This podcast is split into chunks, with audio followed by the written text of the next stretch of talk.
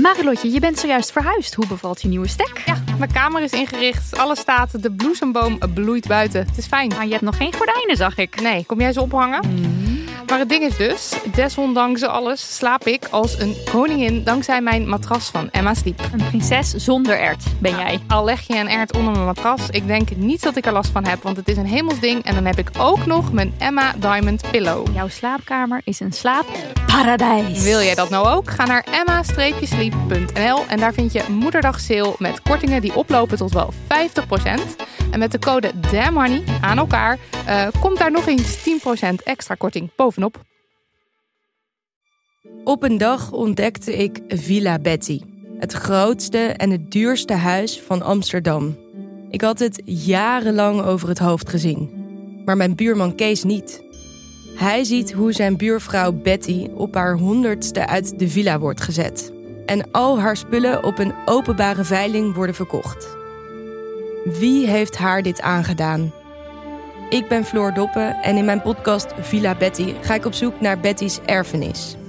Luister nu in je favoriete podcast-app. Knapperts, koekenbakkers en contentdraaiers, welkom bij Damn Honey.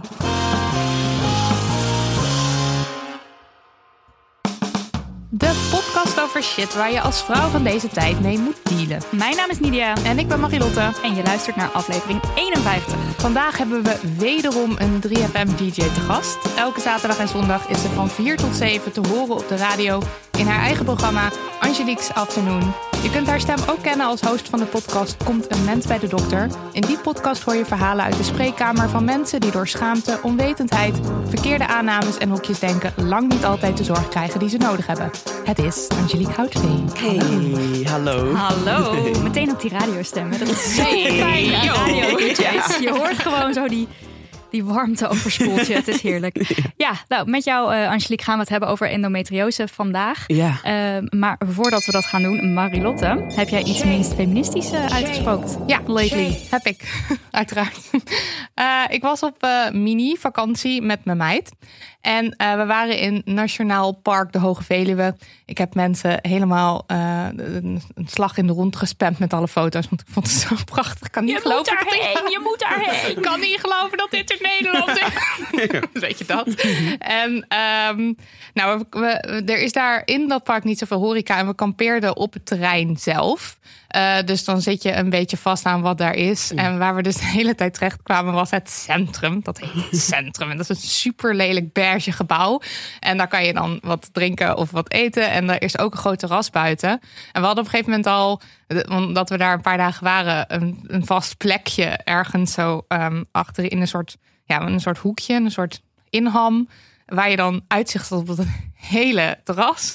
En dan kan je dus heel goed mensen kijken, wat ik dus heel leuk vind. Maar wat het dus heel erg bij mij naar buiten bracht, was echt mijn, mijn inner shamende bitch. Die gewoon mensen ging, keihard ging beoordelen. En dit is dus een beetje hoe- ja, hoe ik ben. Of tenminste wat ik ook wel vroeger deed met vrienden. Dat je dan eh, met een wijntje op het terras gaat zitten. En een beetje een soort van mensen gaat zitten beoordelen of zitten shamen.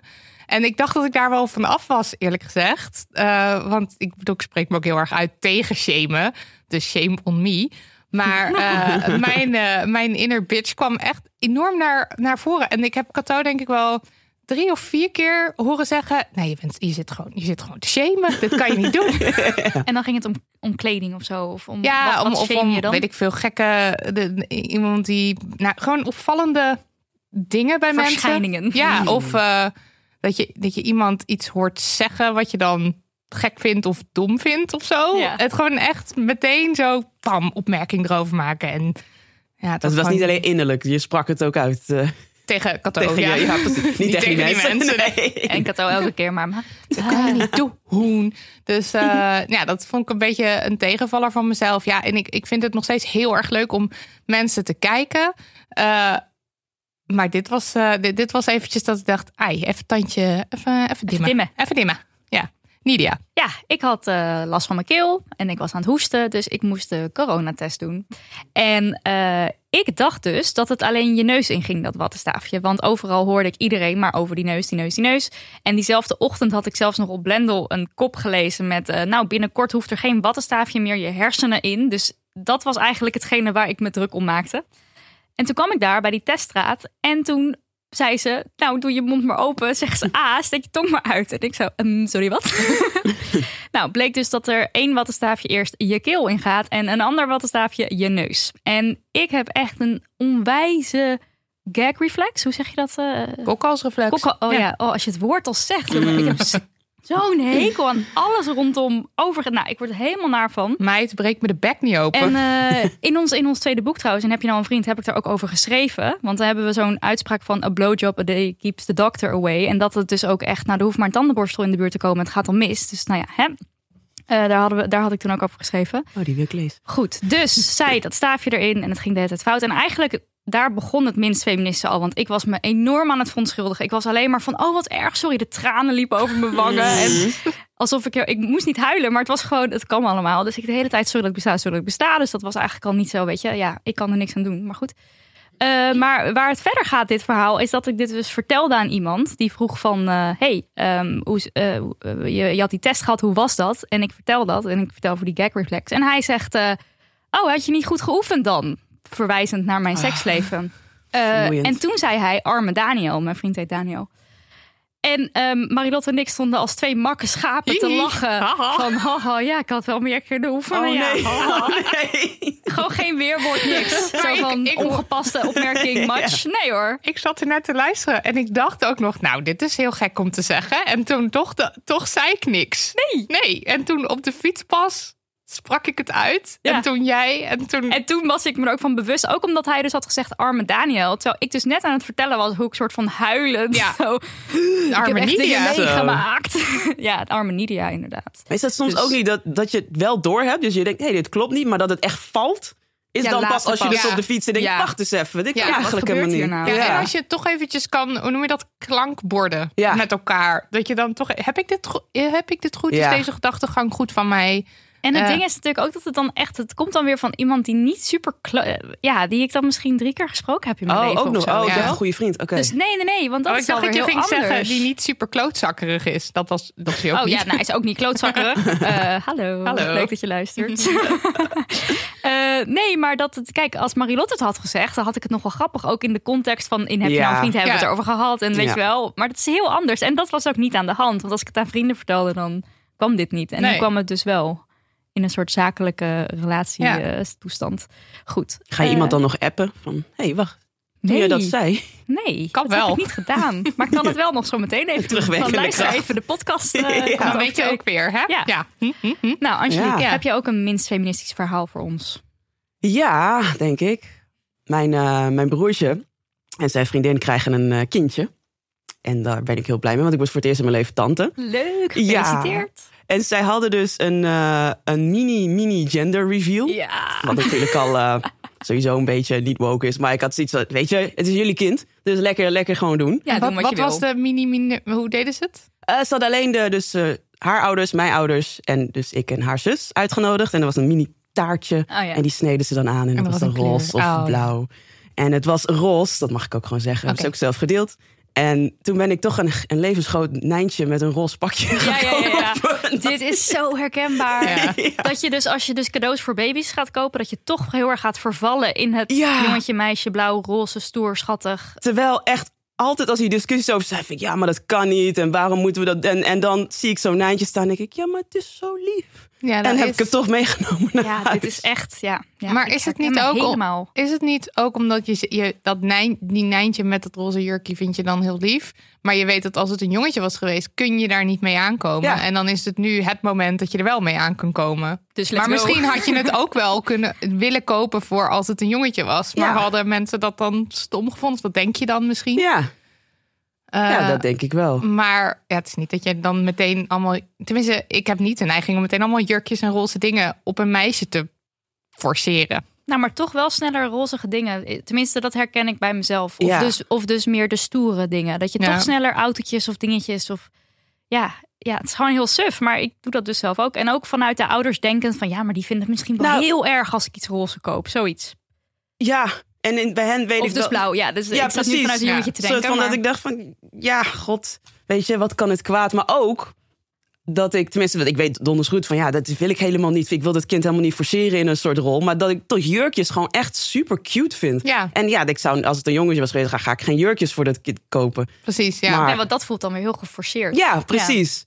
Ik moet nu ook denken aan wat uh, een, Lisbeth 1 zei. Lisbeth 2 zei uit de aflevering wie, over wie niet Lisbeth moeder. 1 of 2 is. Uh, Lisbeth Smit, mijn oud huisgenoot. Okay, ja. uh, Uit de aflevering over niet moederschap. Die zei wat raar eigenlijk dat we de ouders, of dat we de kinderen een cadeau geven en niet de ouders. Ja. Want die, moeten, die hebben nu nog eventjes een soort van geen. Uh, die hebben nu nog een beetje vrijheid. Ja. En straks niet meer. Geef ze een massage. En toen dacht ik. Dat is een hele goeie. Beter. Ja. Tegelijkertijd kan ik als jonge puppyouder zeggen. Dat is wel echt heel anders. Maar goed, het is dus echt zo leuk om de spullen voor je puppy te krijgen. En dit hoor ik dus ook wel eens van moeders. Van ja, maar ik, zij, zij zeggen ook vaak van ik snap wel dat jij het raar vindt dat ik nu niet liever. Dat, maar dit is wat ik wil. Ja. Ik wil met mijn kind bezig zijn en daar geld in investeren. En, want Ja. wij zitten ook zo geld er tegenaan te Ja. smijten met die puppy. Van hier is een nieuw speeltje. Hier is.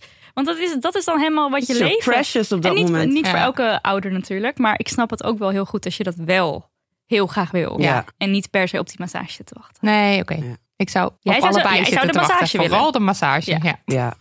Voor de rest koop ik allemaal boekjes voor dit kind nu. Ja, dat Ja, is een heel dat- goed cadeau. Ja. Ja, mijn nichtje is ook zwanger toevallig. En die heeft een soort van. Die wil geen, geen andere cadeaus. Die wil geen speelgoed, geen kleding. Maar alleen maar boeken. Die heeft Heel nu al een boekenkast ingericht. Met allemaal hele diverse en Ah, gender-neutral boeken. Dat ik denk, dat is nou echt een leuk idee. Ja, dat is Zo'n zo. mini-bibliotheek voor En je wordt kind. echt overladen anders met, ook met wel troep, Ja. denk ik, als ouder zijnde. Zij zegt, ik heb helemaal geen zin in dat plastic in mijn Ja. huis. Dus laat dat gewoon zitten. Doe gewoon boeken. Heel. Ja. Tijd voor post. Tijd voor post. Ja, we gaan beginnen met een leuk bericht van Johannet. Komt-ie. Dag dames. Mijn dochter en haar vriendin studeren vol enthousiasme scheikunde op het HBO. Deze meisjes hebben een, deze meiden, sorry, deze meiden hebben een vrouwelijk figuur en verbaasden zich over de slecht zittende lapjassen. Te wijd aan de bovenkant en te strak van onderen. Oplossingsgericht verzetten ze de knopen van een jas. Gelukkig vinden ze het belachelijk dat er geen vrouwenjassen te bestellen zijn. Klein leed dat aangeeft hoe dit vakgebied op mannen is gericht. Groeten van een moeder, 50, die probeerde om haar zoon, 22, en dochter, 19, feministisch op te voeden, Johannet. Leuk. Heel Ja, leuk. Niet de En- situatie natuurlijk. De situatie is weer heel, ja, nou, schrijnend is misschien een groot woord, maar weer heel tekenend inderdaad voor de wereld is ingericht op mannen.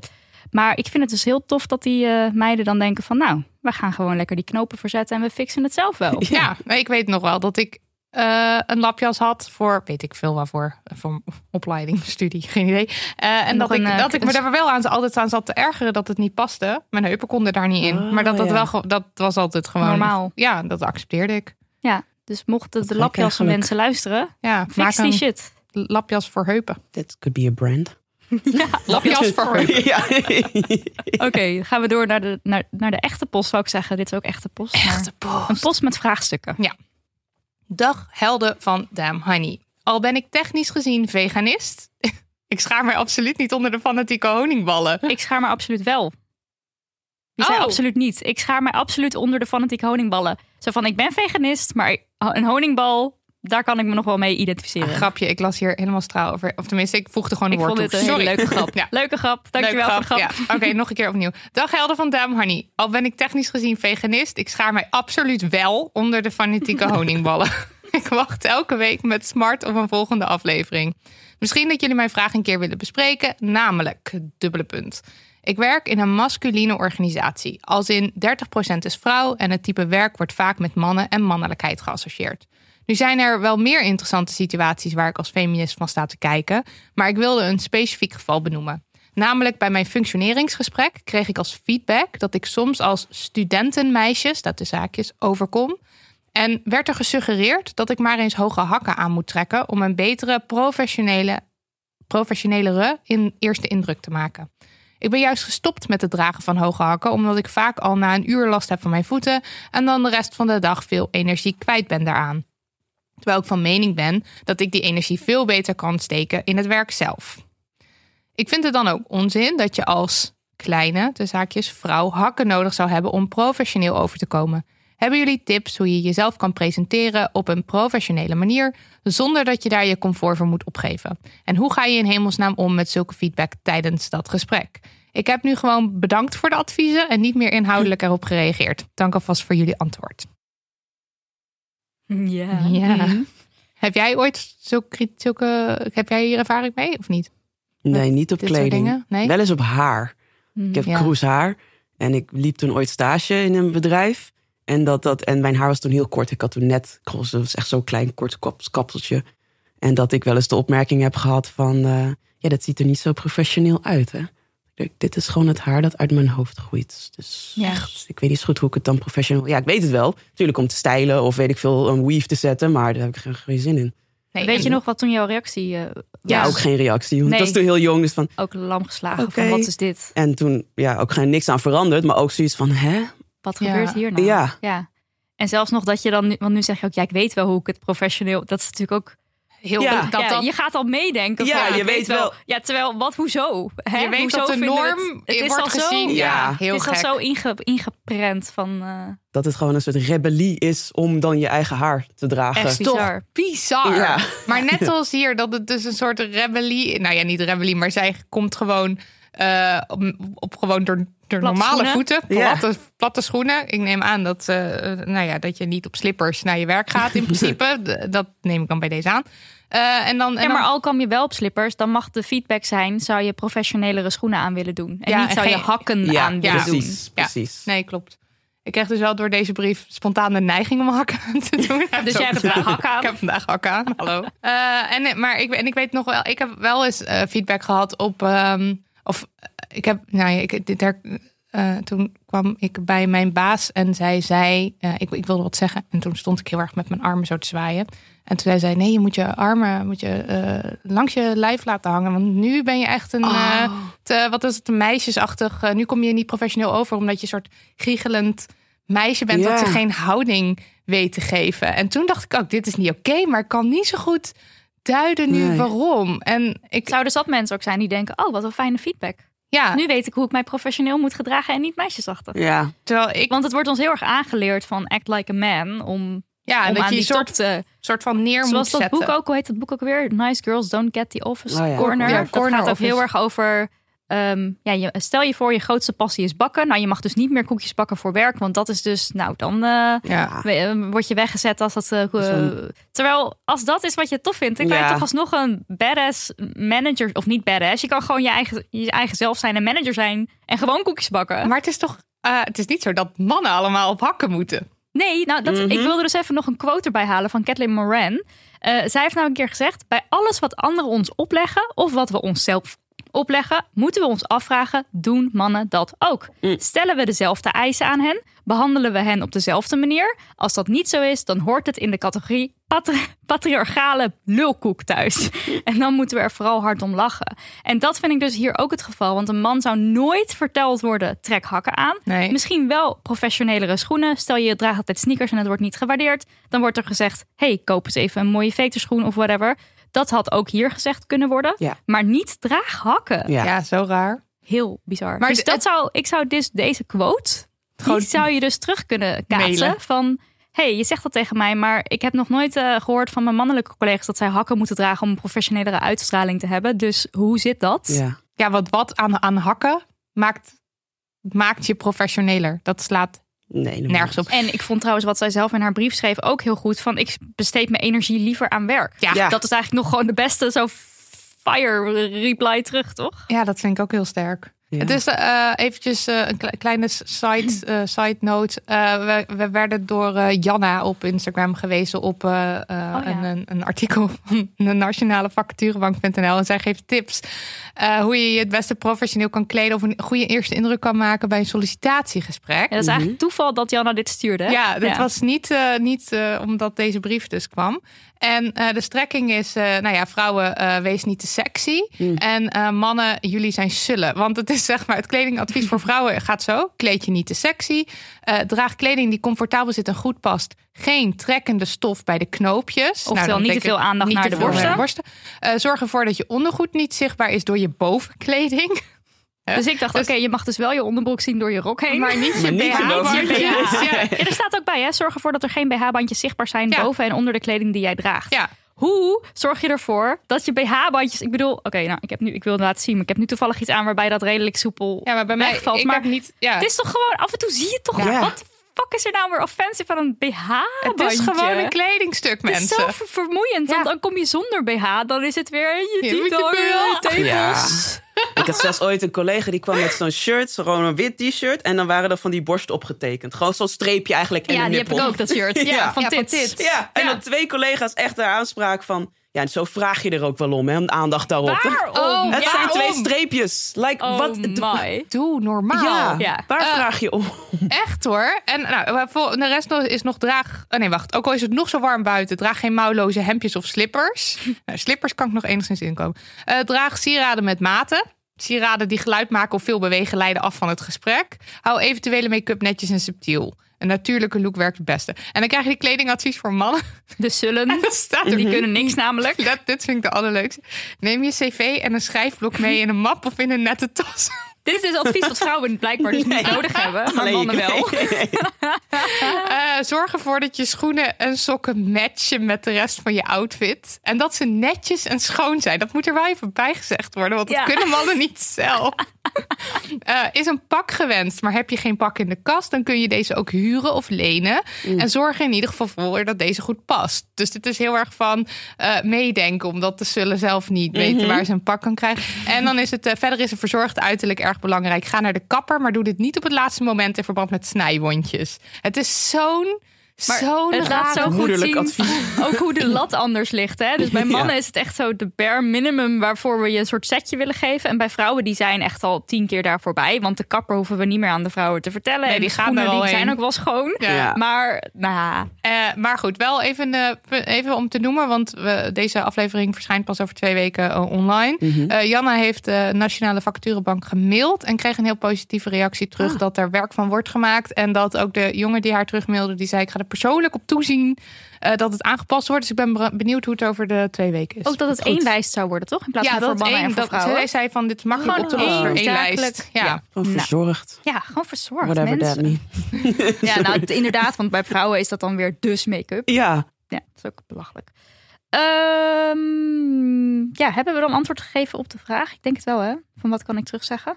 Ja, uh, ja, namelijk dat je je energie meer liever besteedt aan werk. Je zei het zelf al. En, uh, en, de, en de quote en de van Caitlin. Ja. ja. ja. Uh, Maridot, ik zou hem normaal voorlezen, maar zou jij het willen doen? Want ik moet het hoesten. Ja. Ik heb dus geen corona. Dat was de uitslag van de test, heb ik net niet gezegd. Maar het, ja, ja, de hoestdrank wil niet helpen. Oké, poststuk 2. Hey Marilotte en Nidia. Ik heb met veel plezier naar jullie podcast geluisterd. Al moet ik bekennen geen vaste, vaste luisteraar te zijn. Mijn vriendin volgt jullie ook op Instagram en kwam dit tegen. En dan heeft hij een screenshot meegestuurd van een story die wij uh, laatst online hebben gezet. Uh, van een, ja, wat is het? Uh, VWO. Um, VWO 5 wiskundeboek. Wiskundeboek? En dan een formule. Ja, en dan is het, is het idee dat ze dan het ideale lichaamsgewicht voor vrouwen moeten uitrekenen. Nu zegt uh, de briefschrijver: Nu ben ik auteur bij een wiskundemethode, niet deze.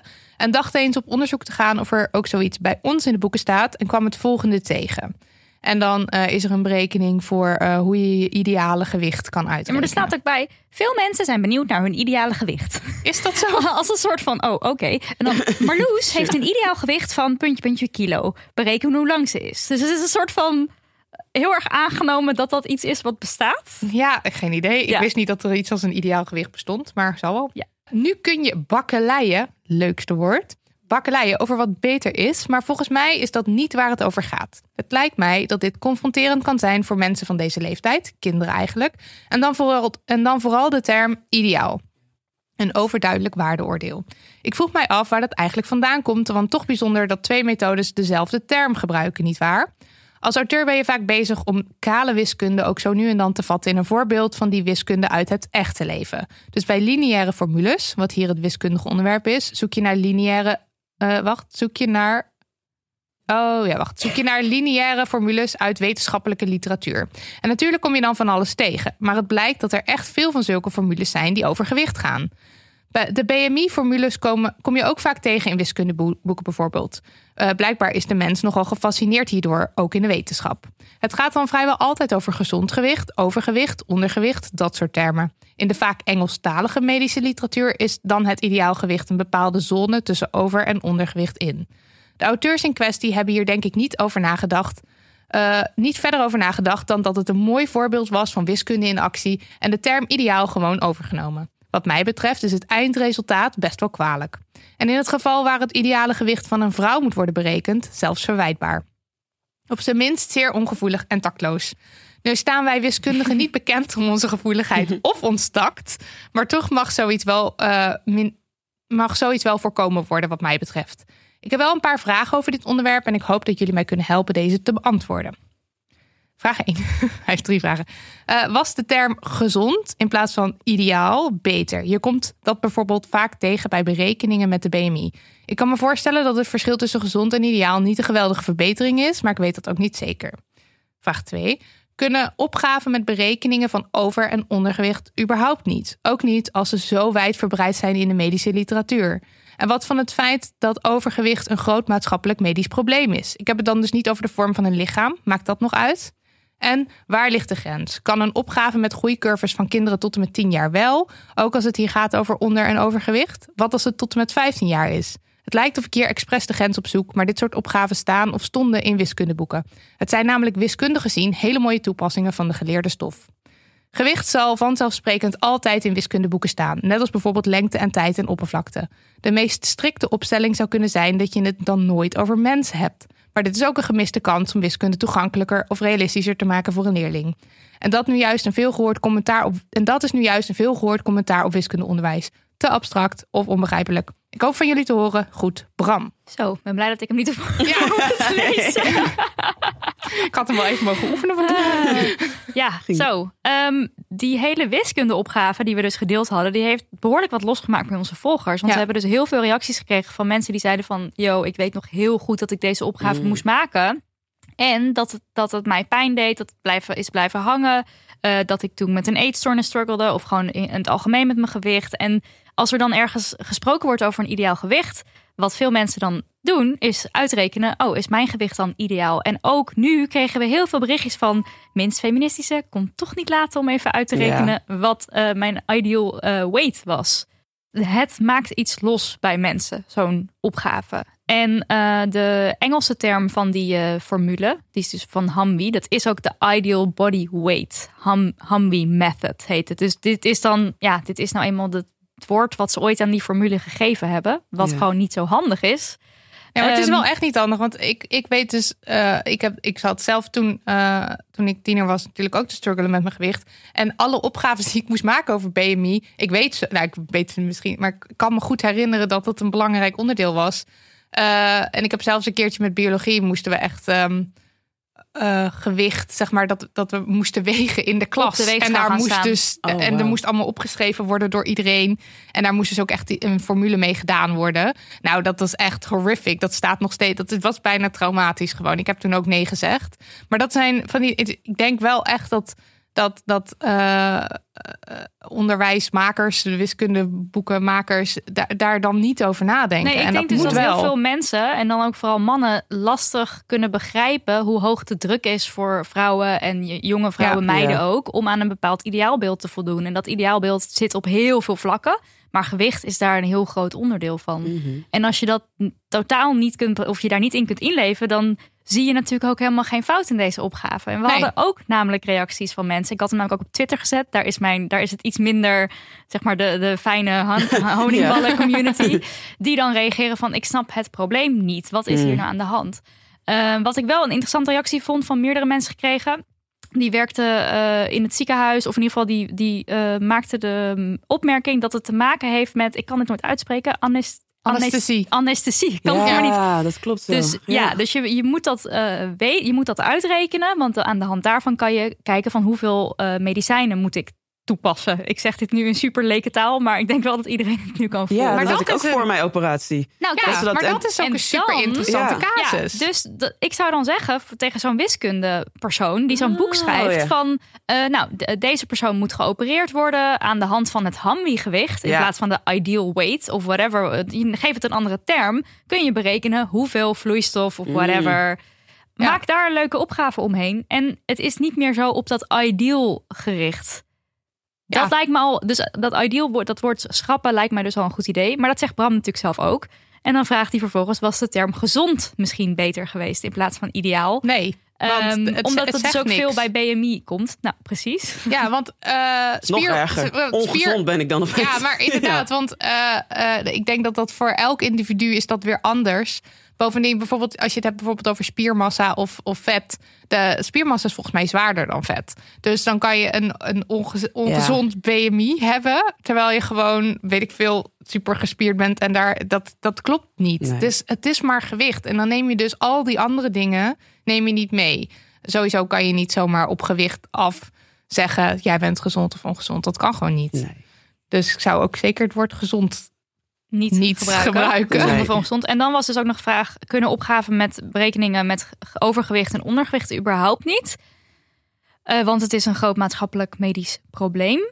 En ja, wat daar lastig aan is, is dat overgewicht op dit moment nog altijd gekoppeld wordt aan allerlei stereotype denkbeelden rondom lui zijn. Oh, jij kan je lifestyle blijkbaar niet aanpassen. Jij eh, zit alleen maar bij de McDonald's. Jij sport niet allemaal bullshit natuurlijk, maar dat zit er nog steeds heel erg aan vast. En zolang dat zo is, ja, is het best wel lastig om dat soort woorden. Ja, en zeker in de, in de, in context, de middelbare schoolcontext. Ja, ja want, want daar al zolang al dat stigma heerst en zolang al die vooroordelen er zijn, uh, tieners zijn daar hartstikke, uh, uh, hoe noem je dat, ontvankelijk voor. ja, en het gaat niet helpen om te horen bij de wiskundeles dat je niet aan het ideal weight voldoet of dat je overgewicht hebt, want dat weet je wel, als dat het geval is. Het is echt niet zo dat je, doordat je daarop gewezen wordt, dat je dan opeens denkt: oh, um, ik, ik moet een andere lifestyle of zo. Ja. dat, want dat denken heel veel mensen. Hè? Van ja, we moeten het de hele tijd maar benoemen. Want we moeten mensen helpen om gezonder te worden. Allemaal van die rare. Wat is er dan trouwens mis mee om het überhaupt het Hamwi-gewicht te gaan noemen? Want als dat, als dat dus gewoon de, de, de, de manier is om het aan te duiden. En dan kan je misschien even de context geven. Ja, het is dus niet de, het ideal body weight is de, oh. de ideal body weight Humvee method. Dat, dat is wat ik nu tegenkom. Dus nou ja, het, je zou dan een beetje afwijken van de term die misschien uh, in ziekenhuizen gangbaar is. Nou, dan, kan je, dan kan je zeggen, uh, door meneer of mevrouw Hamwi uitgevonden. Uh, en dat is deze berekening. Ik zat ook nog te denken met ondergewicht, overgewicht. Je had ooit hier een artis had je volgens mij Tanja de, de Nelpaard. Zo'n mega, mega Nelpaard. Je kan het toch ook bijvoorbeeld over Tanja Nelpaard. Kan je toch ook een leuke opdracht van Tanja Nelpaard heeft weer uh, vijf bakken te veel vis gekregen. Want uh, de verzorger die was. ik heb dan gelijk zin om allemaal leuke scenario's te gaan bedenken. Maar kijk, wat jij nu zegt is heel leuk. En dan, kijk, ik snap dat, dat, dat uh, de formules dus naar het echte leven moeten worden vertaald. Maar de zin, veel mensen zijn benieuwd naar een ideale gewicht. Is niet dat het voor mij dan helemaal gaat leven. Nee, terwijl als ik het heb over Tanja en vijf nou, bakken vis te veel. hoor. Ja. dus wij willen best wel helpen, Bram, om creatieve ideeën te bedenken. We uh, are game. Zijn er, was ook nog, er was nog een vraag, hè? Er waren heel veel vragen. Oh, Waar ligt de grens? Kan een opgave met groeicurves van kinderen tot en met tien jaar wel? En als het onder, over onder en overwicht gaat, la la la la wat tot en met 15 jaar is. Nou, ik zou dus hier eigenlijk gewoon van weg blijven en andere manieren proberen te vinden om dit soort opgaves wel te doen. Want ik snap wel wat hij zegt van het is nou eenmaal een belangrijk onderdeel uit de boeken en het leeft veel en la la la. Ja, ja probeer creatief te zijn en andere leuke dingen te bedenken.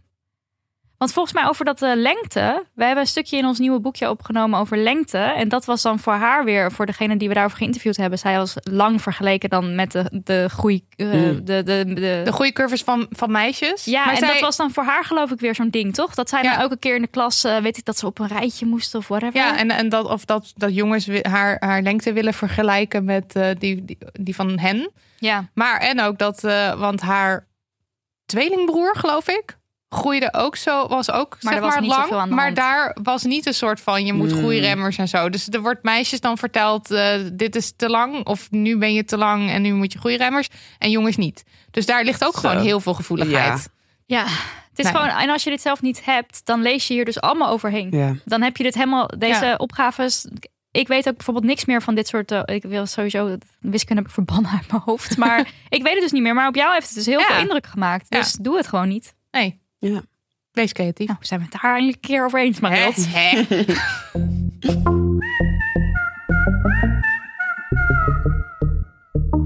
Graag even wat aandacht voor onze sponsor Pabo bij Beate Oeze. En de nieuwe collectie die ze gelanceerd hebben, de PMV20-lijn. Dat klinkt als iets met auto's. Maar het is een collectie van kleurige vibrators. Ja, en ik heb er hier eentje uh, uit de collectie voor me, want we mogen er allebei in testen. En hij, of nou ja, nee, zij, laat ik het maar zij noemen, is inderdaad kleurig, uh, turquoise, roze en paars. En matcht best wel goed ook met mijn outfit. Ja. To be honest. Niet dat ik van plan was om een outfit aan te hebben tijdens het testen. Maar toch mooi meegenomen. De mijne is paars met turquoise. En, uh, en geel. En heet de Base Wand Vibrator. Ik, ik, koos deze uit omdat ik niet per se van de penetratie ben. Zoals velen van jullie weten. Uh, maar ik las dat de Base Wand ook dient als een massagestaaf. En qua clitoris stimulatie kan ik er waarschijnlijk ook wel mee uit de voeten. Uh, ze voelt in ieder geval lekker zacht. Ja, die van jou dat is een soort staaf met een bol aan de bovenkant, als ik hem moet omschrijven. En de mijne heeft ook een soort uitsteeksel.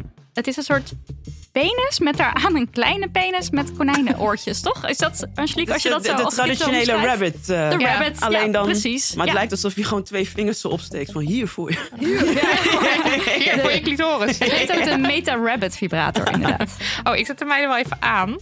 Uh, even voelen hoe die vibreert. Hallo? Oh, hallo. Oh, dit is een soort, hoe heet het ook alweer? Dat, uh, dat, dat mensen naar geluidjes luisteren. Hoorspel. Kan ook een hoor.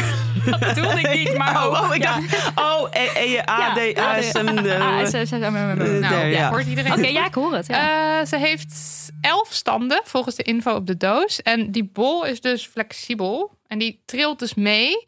Maar ik kan de staaf kan ik dus uitzetten en de, en de, en de bol die blijft dan trillen. Oh. En die van mij is ook aan ondertussen. Oké. Okay. Oh, die van jou maakt allemaal cirkelbeweging. Ja, dat is ook fascinerend. Oké, ja, die van mij die kan dus... Hij trilt nu. Oh, ja, nou, je wordt helemaal meegenomen, lieve luisteraar. Um, Lang indrukken. Ik moet even op de stand hier nog even uitkomen. Maar oké, het hele ding trilt nu.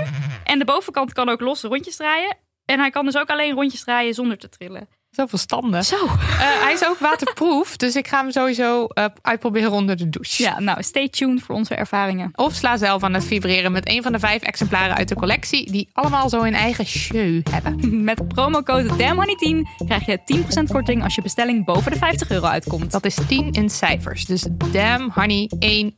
Ga naar pabo.nl en zoek op de PMV 20 collectie.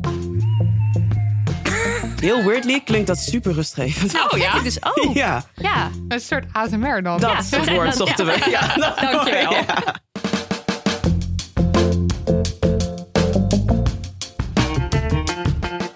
We moeten het even hebben over endometriose. Zoals de trouwe luisteraar wel weet, hebben wij het boek Period Power begin dit jaar vertaald. In het Nederlands De Cyclusstrategie. In dat boek leert auteur Macy Hilje hoe, je, hoe het bijhouden van je cyclus je kan helpen om je cyclus in je voordeel te laten werken. Ja, en afgelopen maanden hebben we heel hard gewerkt om deel 2 van de cyclusstrategie te vertalen, namelijk de hormoonrevolutie.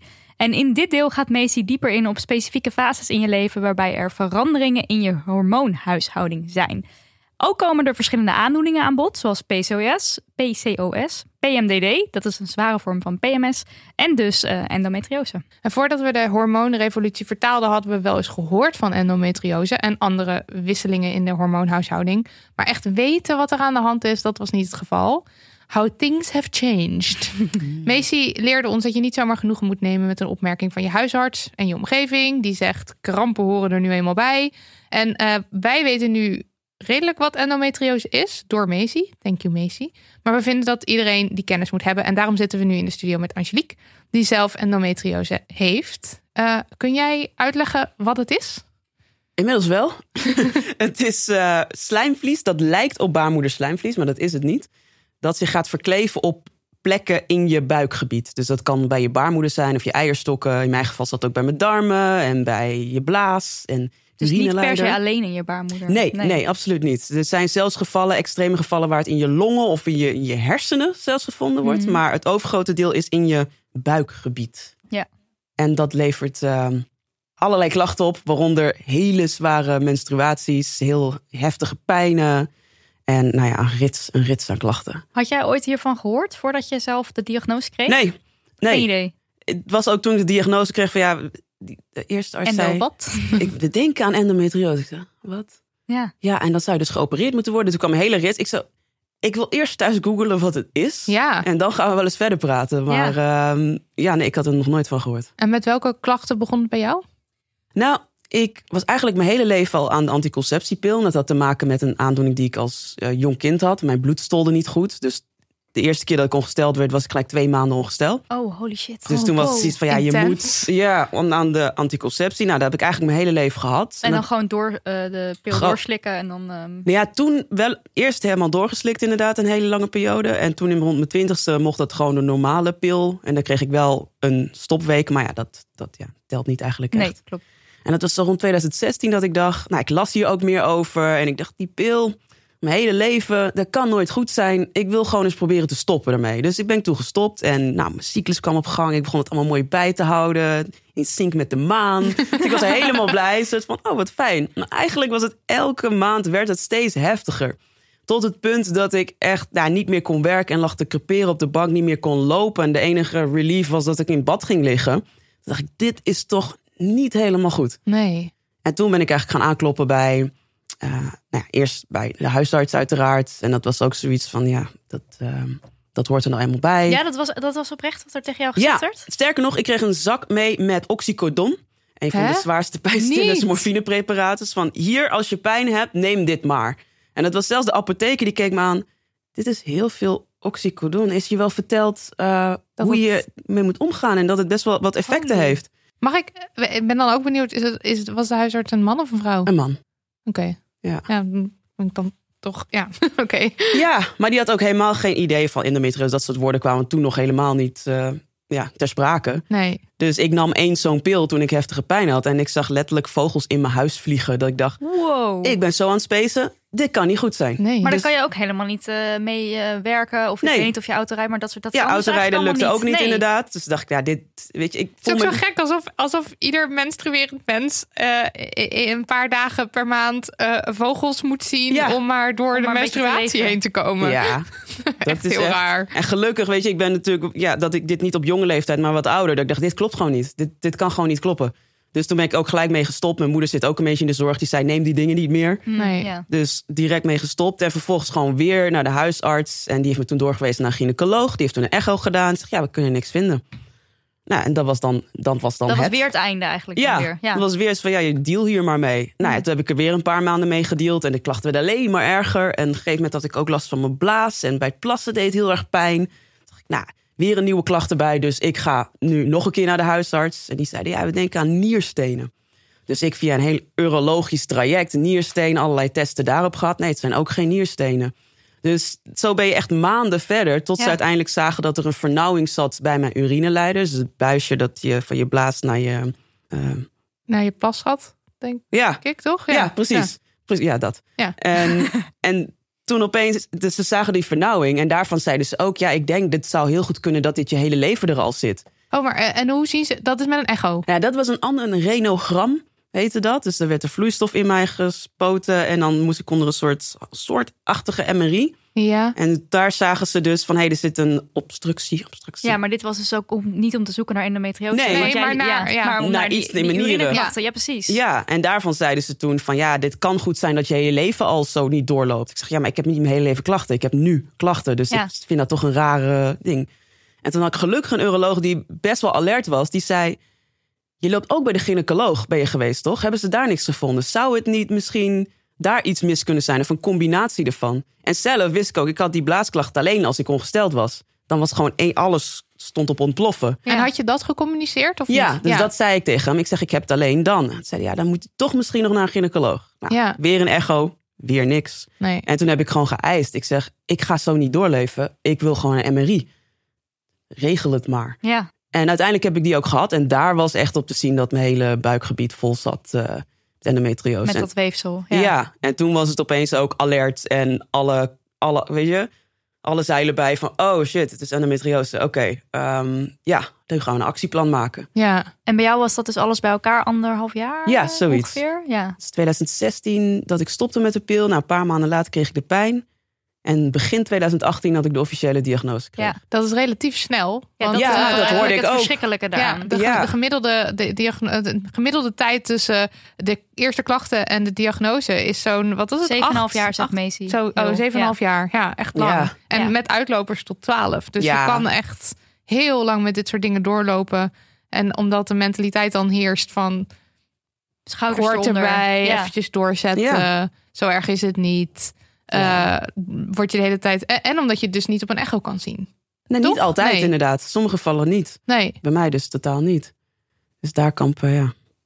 Heel Heb je dan ook zo'n kijkoperatie uiteindelijk? Want ik, heb, eh, ik had gehoord dat je met een kijkoperatie eigenlijk pas echt goed kunt Klopt. zien. Of- Ja. ja. Nou, dat, ik heb geen kijkoperatie gehad Dat om het te diagnosticeren. Want dat Mhm. zagen ze al op de MRI. Maar uiteindelijk heb ik op de echte operatie, de grote operatie, wel gehad. Eh, Oh ja. En daar was het ook gewoon zo duidelijk wat ze zeiden. Dus eh, ja, want er was ook een vraag van een luisteraar: van, klopt het dat je het alleen met een kijkoperatie kan zien? Ehm, Ja, ik dacht dus van wel. Maar jij zegt dus. Dat een eh, MRI dus MRI ook ook. Ja. MRI kan ook. Maar ook dat is weer zo'n geval. Er zijn ook gevallen dat het niet dat wordt het niet gezien. Dus het Hmm. is ook niet altijd. eh, Maar dit is denk ik, dat komt, lijkt mij ook omdat het op zoveel verschillende plekken in je lijf kan. Het, alles heeft waarschijnlijk ook andere symptomen. ja, Eh, het uitzicht telkens, het is niet één ziektebeeld. Nee, het Nee. kan zelfs trouwens ook bij cismannen. Het is een heel, Ja. heel kleine kans. Maar Ja. cismannen kunnen dus ook endometriose hebben. Omdat het weefsel... Het is dus niet echt baarmoederweefsel. Nee. het, het lijkt er dus op. En dat, dat kan dus, ja. Ja. En, en, en het is dus niet bekend hoe het, Hoe het ontstaan is, nee.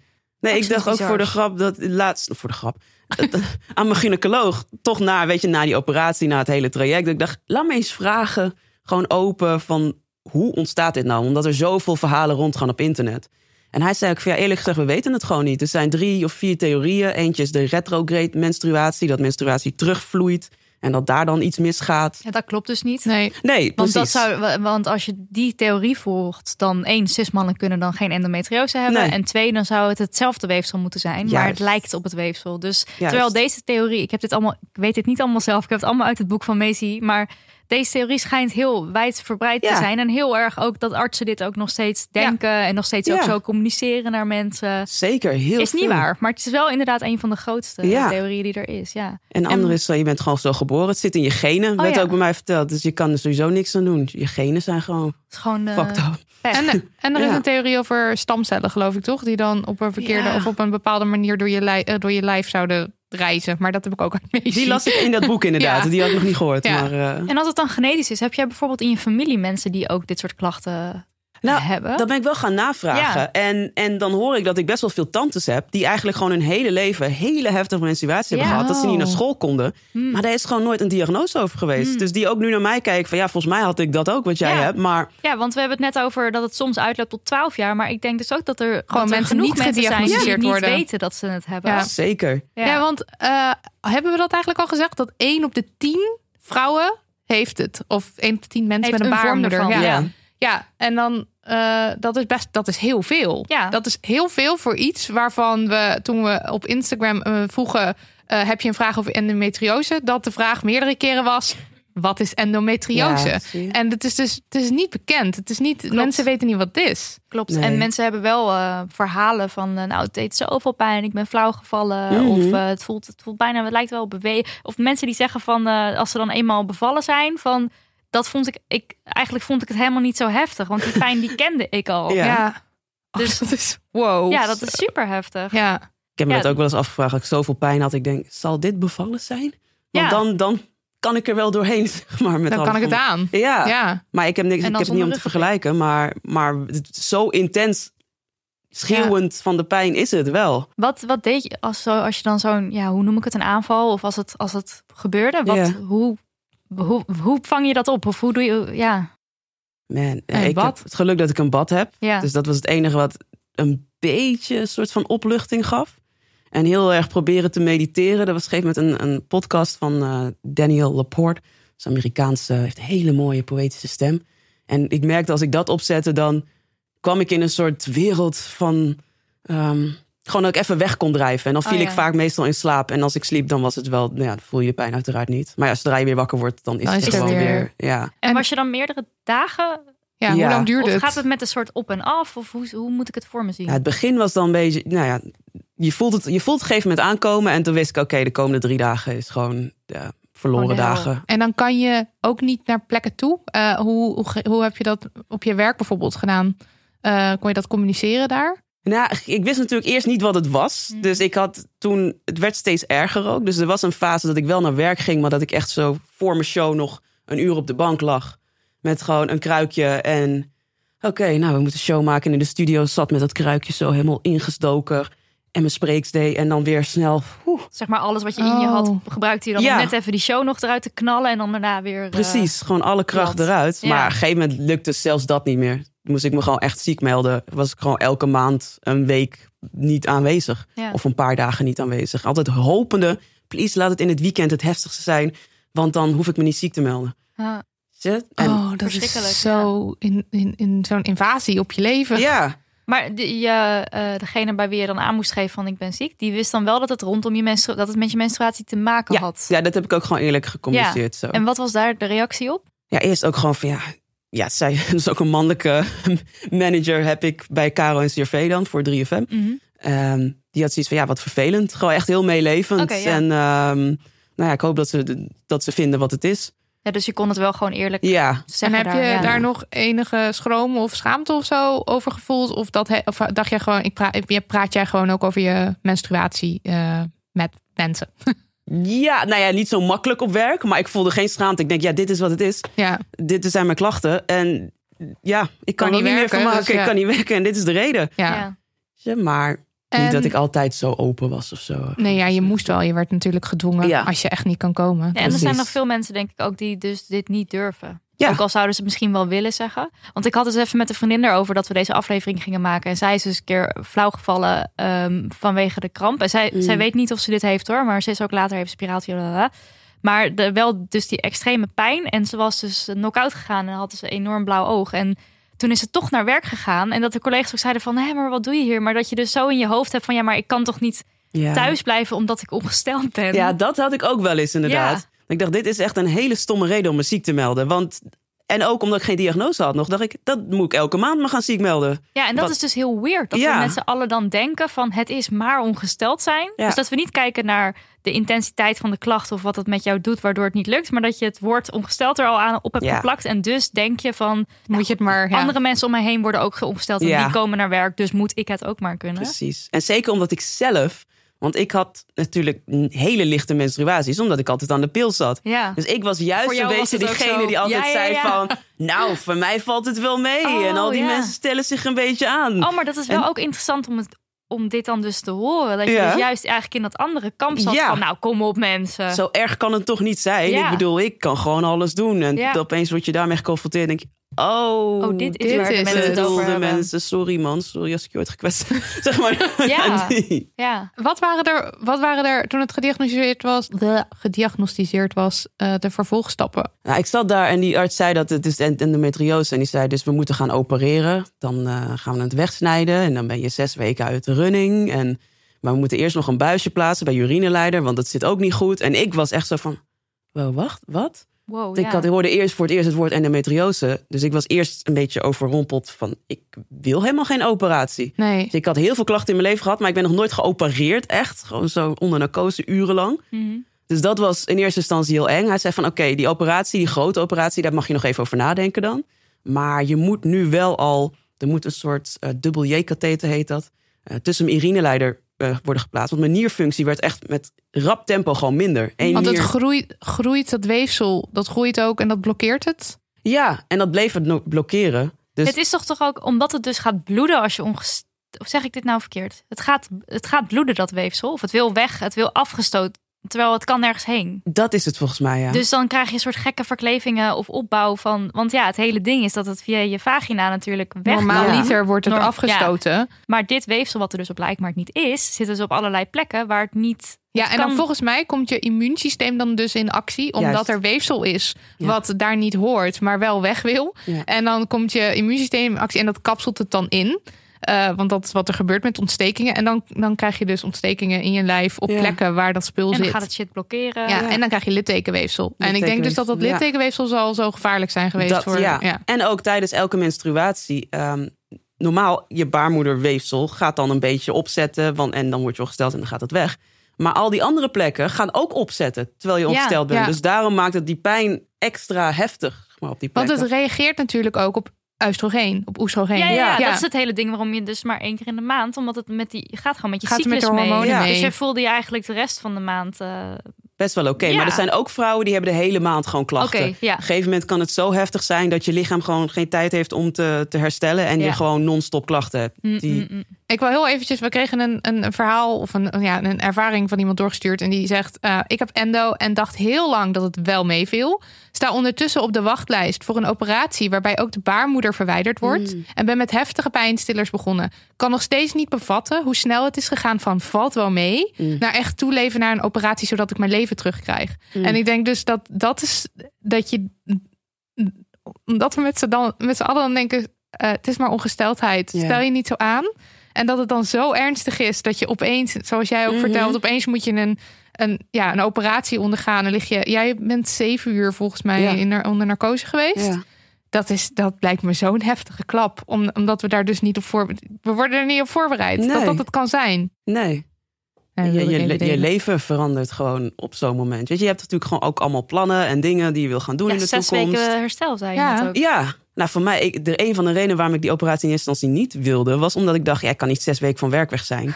Bedoel, dat kan gewoon niet. Ook dit, die gedachte, hè? Van, ja. We moeten door, we moeten door. Ja. Er is geen tijd voor, voor dit soort, ja, dit soort dingetjes. Dingetjes, ja, eh, terwijl het natuurlijk vet belangrijk is. Het is gewoon mijn leven. Maar dus die katheter, heet het nou katheter? Ja, dubbel J katheter. Die, dat moest jij sowieso. Dus die had ik als eerste inderdaad. En dat was een kleine narcose van een half uur. En dan nou, zat er opeens een soort buisje in mijn lichaam. En die moest dan telkens vervangen worden om de vier maanden. Dus dat was om de vier maanden steeds. Om de vier maanden ook met die narcose en ja, alles? Ja. Dus dat nou, had sowieso al een hele impact op mijn lichaam en op, op nou, gewoon mijn hoofd, op alles. En toen was het zoiets van, ja, we kunnen niet blijven doorgaan met dit om de vier maanden. Nee, maar ook jij niet, toch? Ik ook niet. Mijn leven was telkens, was ik net weer een beetje lekker. En dus ik, oh ja, de volgende week moet ik weer. Wow, wat dus intens. Uiteindelijk heb ik dat drie, vier keer gedaan. Hm. En toen was het echt, toen, nou, ik, bij mijn arts had ik zoiets van, ja, je wil zo graag opereren. Moet dat nou wel? Kan het niet anders? Dus heb ik een second opinion aangevraagd uh, in Veldhoven bij een hele goede gynaecoloog. Hm. En eigenlijk zei hij precies hetzelfde. Dus heb ik nog een vriend van mij heeft een gynaecoloog, vrouwelijke gynaecoloog, die heel erg met holistische manieren bezig is. Dus ik heb haar toen gemaild. In Duitsland zit ze.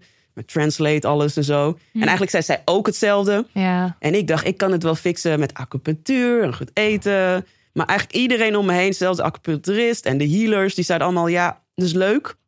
Maar het moet ook gewoon uit je lichaam, want het is te veel. En het is een en-en, niet of. Of, nee, je gaat het niet weghalen ermee. Nee, je, kan klachten, symptomen verminderen, maar het blijft er zitten. Ja, en dat, is, dat is ook wat Macy trouwens schrijft over. Ze geeft allemaal tips hoe je ermee om kan gaan. Nou, acupunctuur is daar inderdaad één van. Maar de, die uh, chirurgische, chirurgische in, uh, in, zeg je dat? Ja, Ingreep? ja, ja. incisie. Ja, incisiechirurgie, yes. ja, dat dat inderdaad wel. Of ablatie, dat kan ook, dat je het wegbrandt, geloof ik. Oh ja, ja. Nou ja, dat dat, dat wel echt... Um, ja, het is net waar je je goed bij voelt, uiteraard. Maar dat het wel, ja, soms moet... kom je er eigenlijk niet ja. ja. ja.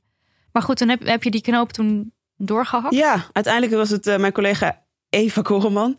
Die ging toen, uh, stuurde echt zo'n appje in de, in de groep van... Uh, hey, ik ben uh, zes weken op reis door de Himalaya, weet ik veel waar ze ging. Uiteindelijk deze mee aan Expeditie Robinson, maar goed, oh, weet je. En toen dacht ik echt, oh, dus jij gaat zes weken in de Himalaya... en ik ben helemaal twijfel om zes weken voor mijn eigen gezondheid tijd oh, vrij ja, te nemen. dat is wel een goede eye-opener. En dat was echt zo, wat ben ik aan het doen? En toen heb ik gelijk de arts gebeld van, hey, plan me maar in.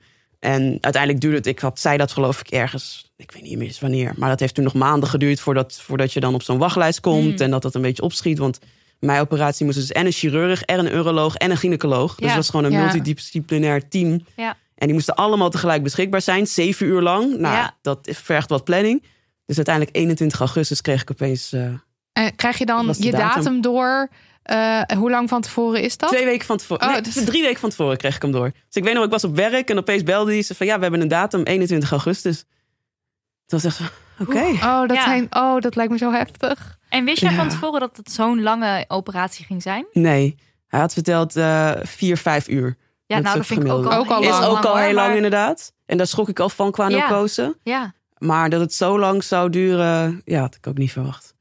En moest je dan van tevoren nog een bepaalde ja, weet ik veel. Moet je aanpassingen maken in je leven voordat je zo'n operatie mag ondergaan? Of? Nou, daar zegt ze dus niks over. Maar dat heb ik uiteraard wel zelf gedaan. Want ik mhm. hou wel van die, die aanpak gewoon op allerlei manieren. Dus ik mhm. ben toen heel veel yoga gaan doen. Heel veel acupunctuursessies, healing sessies.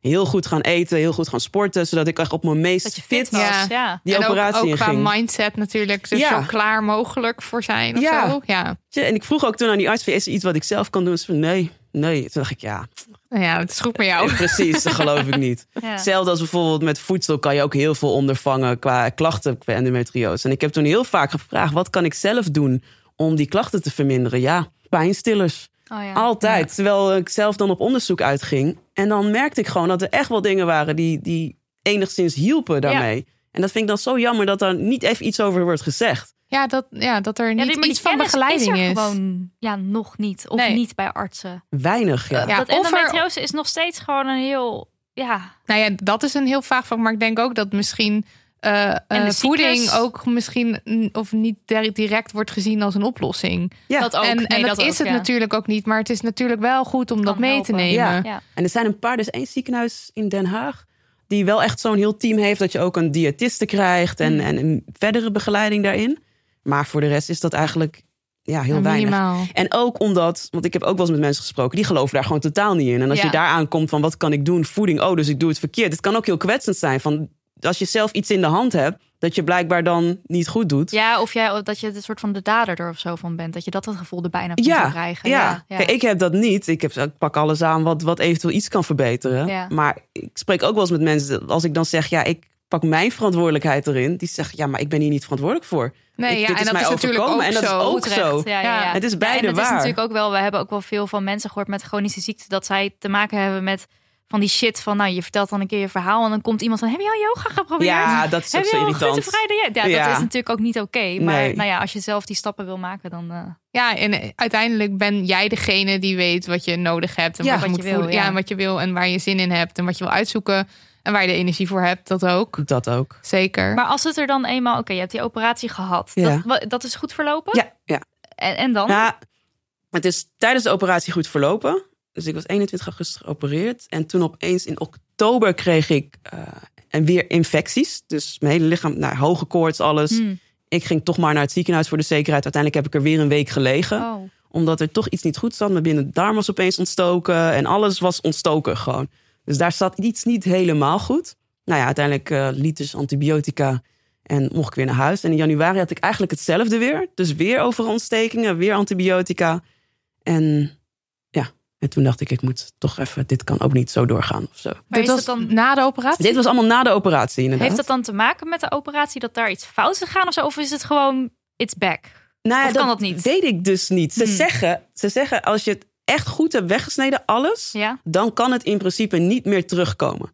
Maar het is zo'n dun, dun laagje wat ze moeten wegsnijden. Ook al blijft er maar een klein beetje ergens over, dan kan dat weer nou ja, gaan opzetten en alles en zo.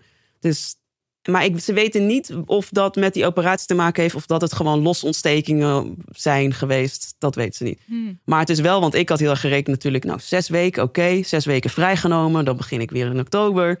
En dat liep gewoon anders. Ja. uiteindelijk, nou, ik ben nu meer dan een jaar verder. Het is nu pas sinds een maand of zo... dat ik me echt, echt weer goed voel. Dus het is een, uiteindelijk een veel langer traject geweest. Ook gewoon mentaal gezien, wat er allemaal op je afkomt. En je hebt natuurlijk zo lang onder narcose gelegen. Ik geloof dat dat ook wel iets met je doet. En... Had, je, had je een moment waarop je dacht... hey, nu voel ik me weer... De, ja, nu ben, ik weer lekker wakker geworden of zo. Of nu voel ik me weer... Was daar een specifiek moment wat je kan aanwijzen? Nou, ik denk echt een maand geleden.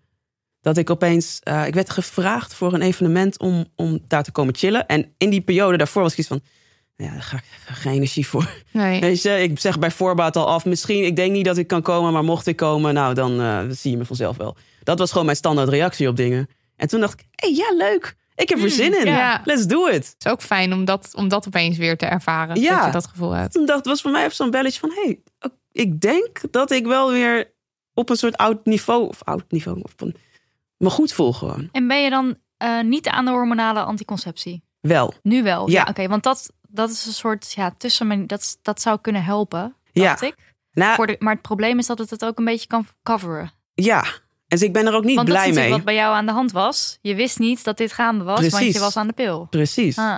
Dus het was ook een van de doelen van deze operatie voor mezelf was, zodat ik daarna van die pil af kan. Mhm. Uh, maar na die operatie zei de arts ook van ja, slik het toch nog maar even door, want de kans is dat het kan terugkomen. En nou ja, aan de ene kant zeggen mensen dus het kan niet terugkomen, maar ik was toch een beetje bang. Ik denk, nou weet je, tijdens dit herstel blijf ik het wel even slikken. Ook omdat ik steeds die ontstekingen kreeg. Ik denk, nou, alles bij elkaar, ik kan dit niet hebben om dan weer heel veel pijn te hebben of zo.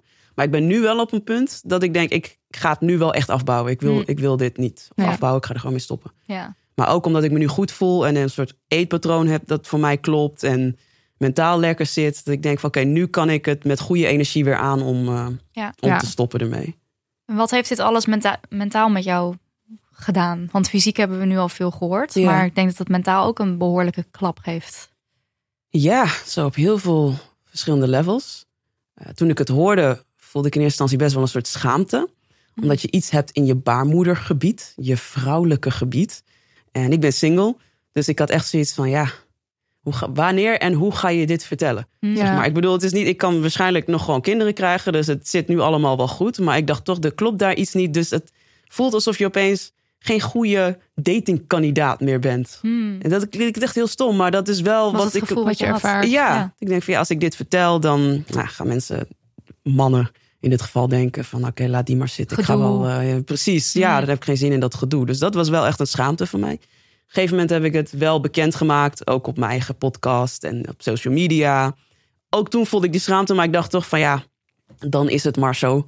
Die mannen wil ik toch niet, die niet kunnen dealen met, met dingen die ik heb. Ehm, maar dat vond ik wel heel lastig. Dus dat was een mentaal ding. Het gebrek aan energie. Het gebrek aan niet je dromen kunnen waarmaken. Ik heb echt het gevoel dat ik een soort van drie, vier jaar van mijn leven heb stilgestaan. En niet echt op mijn ja, toppen of heb kunnen functioneren zoals ja, ik en dat ook graag een wil. moment Ja. in je leven waarop jij met je carrière natuurlijk ook zo Ja. woep de, de lucht in gaat. En waarop je eigenlijk vol ook er wil zijn. Ja, en, het was eigenlijk, ik begon november 2016 bij 3FM. En dat was de periode dat die klachten begonnen. Dus eigenlijk de hele tijd dat ik bij 3FM zat, had ik gewoon vrijwel altijd pijn of veel pijn. En als ik daar nu op terugkijk, denk ik ook van ja, ik snap ook wel waarom bepaalde dingen gewoon niet lekker liepen daar. Waarom ik Ja. gewoon niet dacht dat ik niet op mijn plek zat. Omdat het, ja, ik voelde me gewoon niet goed. Je gaat het koppelen natuurlijk aan elkaar. Van 3FM is die klachten of, of soort van in je hoofd is het allemaal, het is allemaal tegelijkertijd. Oh, ik heb dan zoveel Dus- dingen gekoppeld.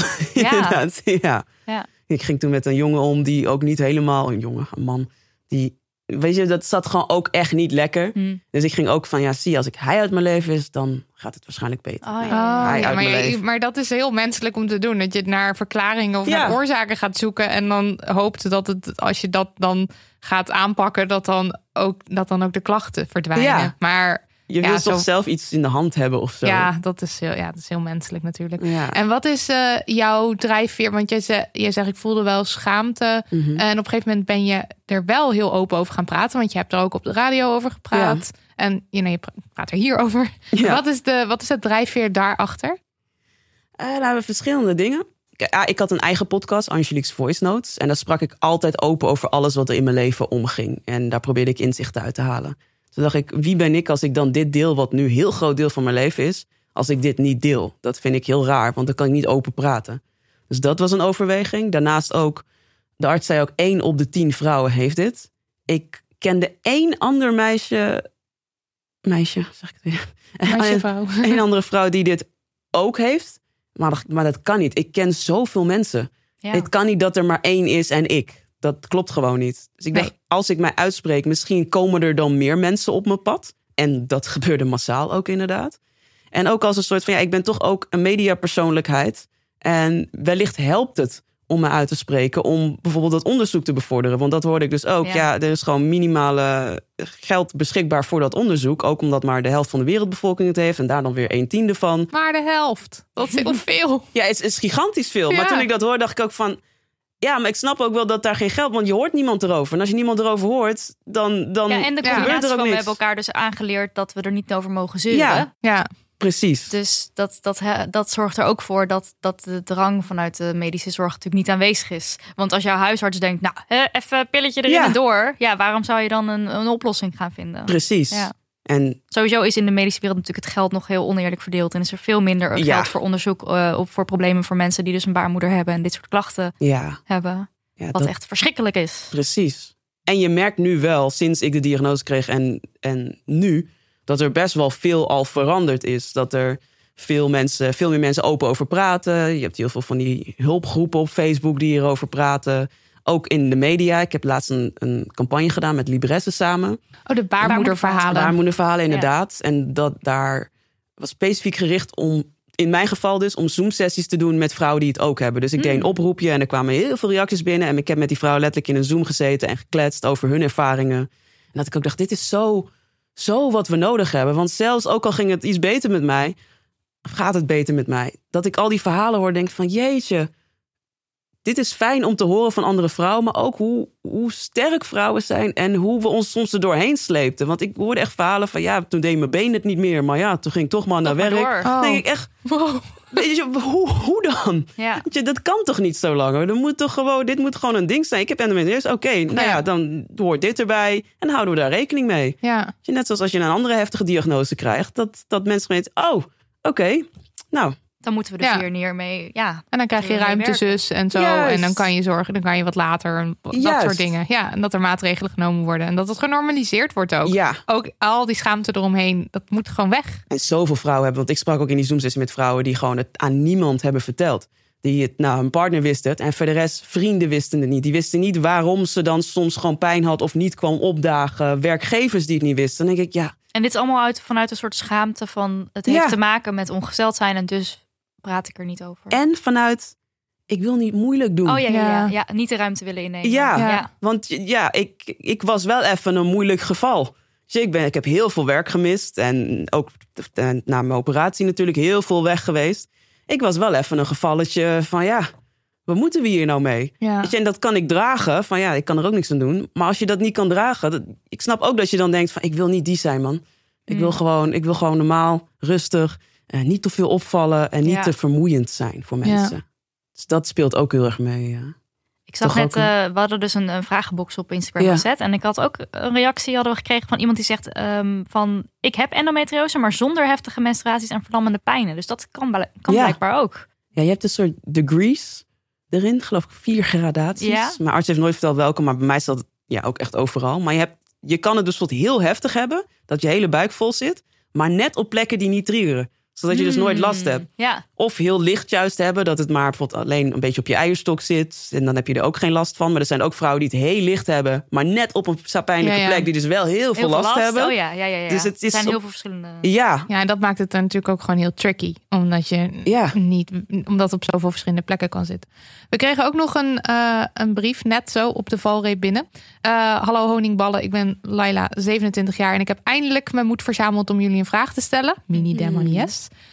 Mijn vraag gaat over endometriose. Ik heb al een paar maanden gekke symptomen die op endometriose wijzen, maar mijn huisarts wil mij niet naar een gynaecoloog verwijzen en zegt dat er niks aan de hand is.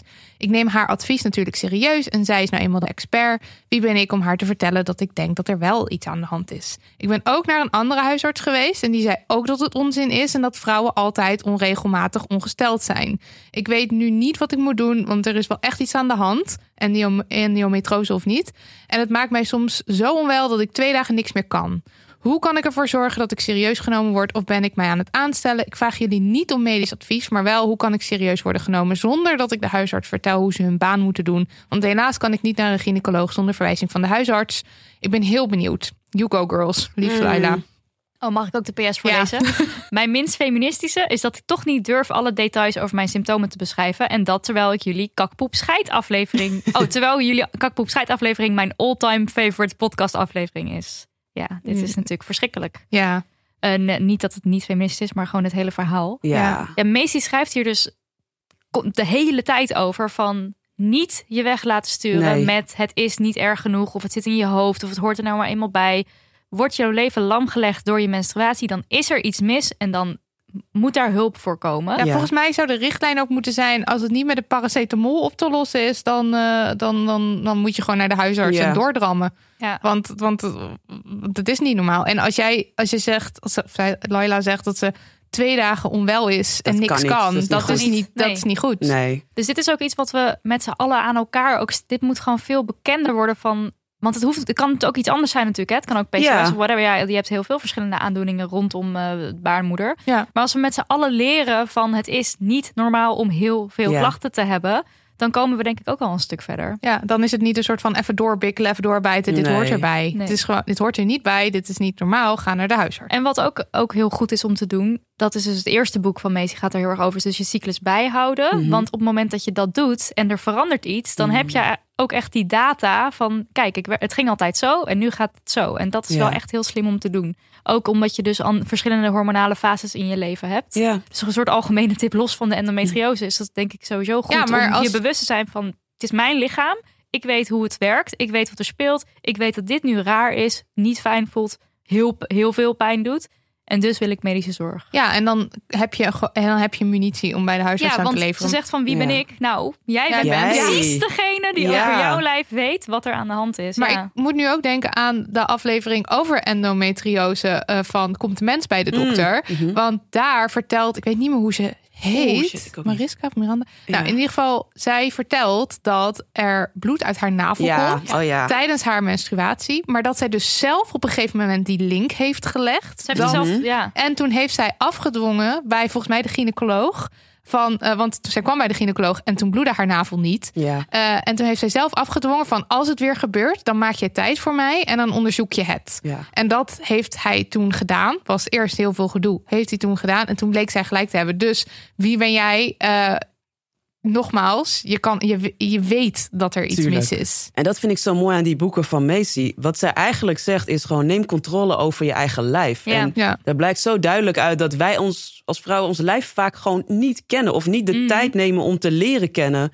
hoe onze cyclus werkt. Maar ook hoe we reageren op bepaalde dingen. En als je dat goed weet, dan sta je ook zoveel sterker in je schoenen. Van hey, ik ken mezelf en dit klopt niet. Dus ik heb gewoon een verwijzing nodig. Ja, we moeten ook een beetje meer leren vertrouwen op ons eigen gevoel rondom ons lichaam. Maar alleen al dat, dat tracken de, van gewoon elke dag even een, een, een, iets, iets van een woord opschrijven wat de dag beschrijft van hoe je je voelde van je cyclus. En dus ook je cyclusdag erbij zetten. Dat heeft mij ook al zo erg geholpen. Ik kan dat mm. echt iedereen aanraden. Ook, ook Laila, uh, hou een paar keer je cyclus bij, hoe je je voelt. Je kan uh, gratis van Macy's website een uh, zo'n uh, track dingetje downloaden waar je het oh. kan invullen. Het is heel simpel A4'tje, maar dan heb je even een soort uh, houvast. Ja. En hou, hou het een maand of twee bij en kijk of je wat, wat, wat kan zeggen of wat ziet of iets van een patroon ontdekt, waardoor je toch weer wat meer munitie hebt bij de huisarts. En hou je pijn ook bij dan als je ja, dit ja. pijn. Want dat, ik had ook zo'n app inderdaad, want toen werd ik nog gewoon gesteld, dus ik hield dat bij. Maar ook elke keer dat je zo'n graadmeter qua pijn. En dan zag ik gewoon op welke dagen het het heftigste was. En dan kon ik echt inderdaad bij de arts mee aankomen van... kijk, vier dagen intense pijn en zoveel bloed. En je hebt gewoon een soort bewijs. Ja. Maar alsnog vind ik niet dat je dat bewijs nodig hebt. Ik vind wel, als jij als vrouw gewoon komt zegt van... hé, hey, dit klopt niet en ik wil naar een gynaecoloog. Het kostte niks. Dus ik snap ook niet zo goed waarom, waarom mensen dan niet geloven. Ja, eh, en is het... Ik weet niet of het zo is, maar als jij tegen de huisarts zegt geef me die fucking doorverwijzing. Is het niet een soort van dat het dan, eigenlijk gewoon moet? Volgens mij wel. werkt. Ja, ik, ik dacht al. Jij hebt nog een jaartje geneeskunde gestudeerd. Dus... Ja, en een blauwe maandag. Maar dat weet ik niet eigenlijk. Maar ik heb, ik heb ergens, ik heb heel erg dat idee dat als ik nu zeker weet dat er iets aan de hand is met mijn lijf, dat ik een doorverwijzing zou kunnen afdwingen. Maar dat betekent wel, want ik heb bijvoorbeeld ook die MRI moeten afdwingen. Ja. Dus het betekent wel dat je gewoon sterk in je schoenen moet staan en gewoon aankomen van luister, ik wil een MRI. En dan krijg je, ja, maar ik wil een MRI. En blijven gewoon blijven vasthouden. En dat, ik denk als, je, als zij zo bij de arts komt en zegt van... ik wil een doorverwijzing naar gynaecoloog. Ik ga niet eens mijn klachten bespreken. Ik wil een doorverwijzing naar de gynaecoloog. Ja. En ja, ik heb daar recht op. En gewoon no, no arguments. Ja. That's it. Ik hoop dat je een beetje power houdt uit de podcast nu dan. Want ja, dat hoop ik echt. Hoop ik ook. En anders, ja, ik weet niet of je een soort particuliere gynaecoloog, maar dan moet je het zelf betalen. Dat is ook weer niet de oplossing. Ja, nee, maar dit hoort gewoon bij de gezondheidszorg. Ja, dat, dat, dat hebben we recht op. Gaan we niet eens over filosoferen? Nee. Het is gewoon nee. Je, je, die doorverwijzing die verdien je. Ja. Veel mensen vroegen ook van hoe weet je dat nou eigenlijk dat je het hebt? Uiteindelijk moet het echt officieel gediagnosticeerd worden. Zelfs op de MRI kunnen ze nog van zeggen het kan wat anders zijn. Dus wat jij zei, zo'n kijkoperatie is de echte officiële manier om het echt te weten. Maar vaak kunnen ze het of op een echo of een MRI al al enigszins zien. Ja. En het is inderdaad gewoon als je menstruatie zo zwaar is en je hebt zoveel klachten, dan klopt er iets in ieder geval niet. Precies, ja. Dus, dus dat, is altijd de graadmeter. Ja, ja maar ook dingen als, want ik heb ook best wel veel vriendinnen die dan hele zware ibuprofen en zo nemen. Ja. Daartegen. Maar eigenlijk, als je daarop moet overleven, is dat ook al, klopt het ook niet. Nee. De paracetamol zou voldoende moeten zijn. Dus als jij op echt drie ibuprofen per dag, dan zit er ook gewoon iets niet goed. Ja, want dan ben je echt de pijnklachten zwaar aan het onderdrukken. Ja. ja. Plus dat speel is gewoon echt trash.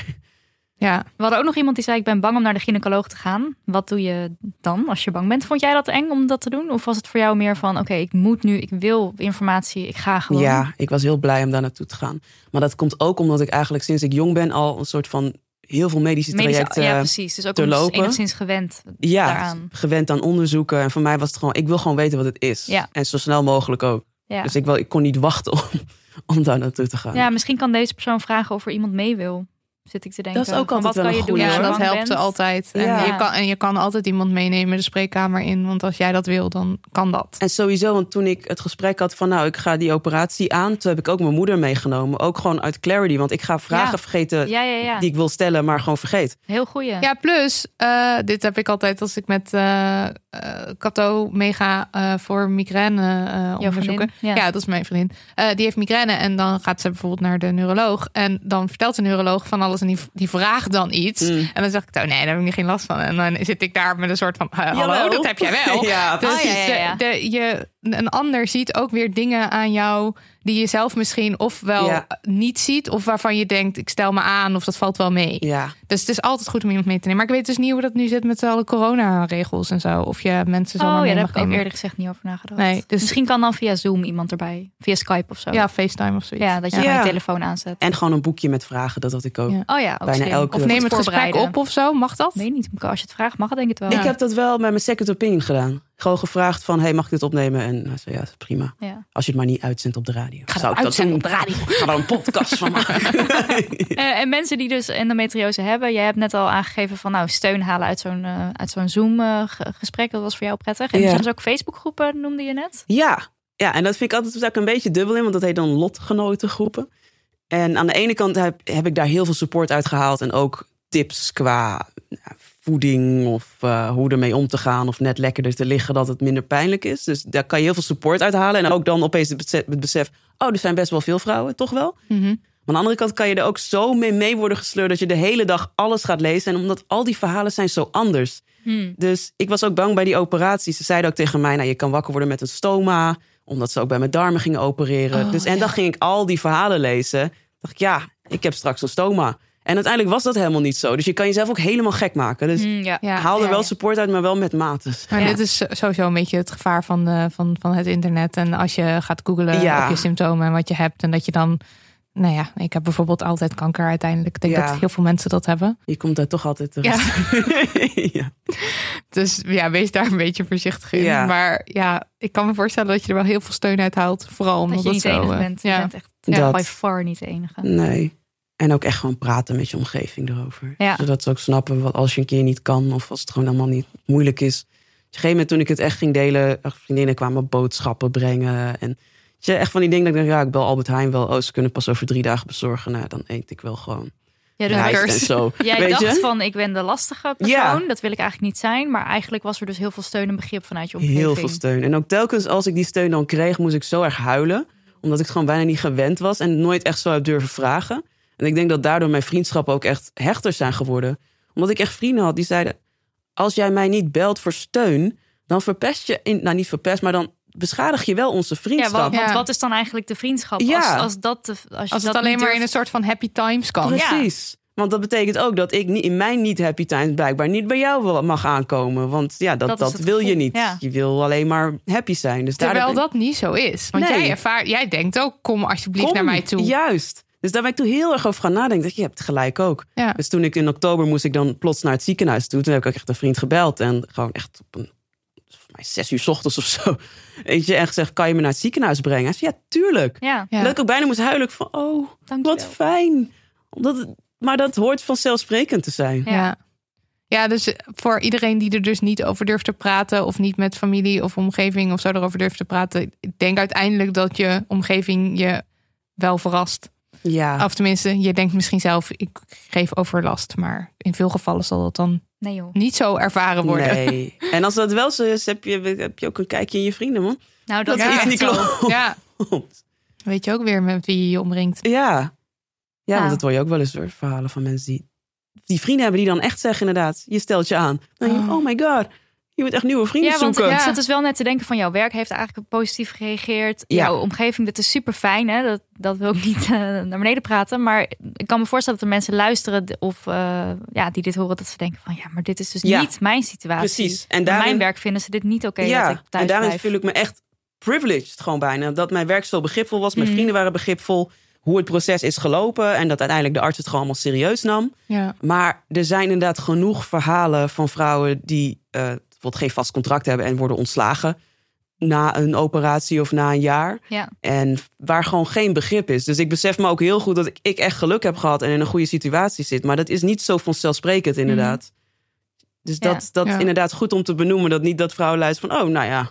Chill. Chill allemaal. Chill. Nee. Werkgever. Maar het is dus ook, ik denk ook die openheid die jij hierover hebt. Nou, één, heel fijn voor andere mensen die dit hebben. Maar ook gewoon ja, de, wereld moet weten dat dit iets is. En dat het ernstig is. En dat er dus rekening mee gehouden moet worden. En daar moeten we gewoon met z'n allen naartoe. Dus, daar, uh... En ook voor de mannen. Ja. Weet je, want van mijn broertje weet nu donders goed wat het is. En die heeft dan hij heeft zijn eigen sportschool. En dan kwam een vrouw met soortgelijke klachten. Ja. En dan weet hij gelijk, misschien moet je het laten checken op endometriose. Nou ja, dit is, ja, dit is top. Ja, dat wil je. Ja.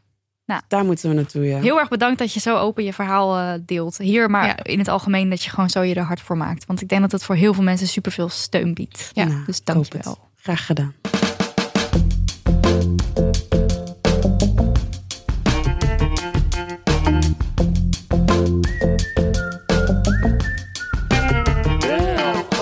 Komen we bij de afsluiter van deze aflevering. Damn honey, yes en damn honey, no. Nidia, you know. Ja, uh, eerst even goed om te weten. We nemen deze aflevering vroeg op, want Angelique gaat op vakantie. Dus dat is heerlijk. Uh, en met vroeg bedoel ik dus lang voordat hij daadwerkelijk online komt te staan. Uh, dus het zou zomaar kunnen zijn dat we ingehaald worden door de toekomst. Dat is laatst ook al een keer gebeurd. Dus dat er opeens allerlei positieve verbeteringen zijn rondom mijn no. Dan nu het verhaal. Um, ja, of dat er bijvoorbeeld iets heel anders, heel super verschrikkelijks is. En als jullie oh, denken, ja. dan kom je hiermee aanzetten. Ja. Ja, nou, Oké, okay, dit goede disclaimer. Ja, precies. We kregen een video doorgestuurd. Ik hou hem zo even in de lucht, dan kan je het ook zien, uh, Angelique. Van een uh, skatepark. En het is een installatie, een kunstinstallatie van kunstenaar Erik Kessels. En uh, het is dus een skatepark waarbij de, de, grond bestaat uit foto's van vrouwen met allemaal plastische chirurgie.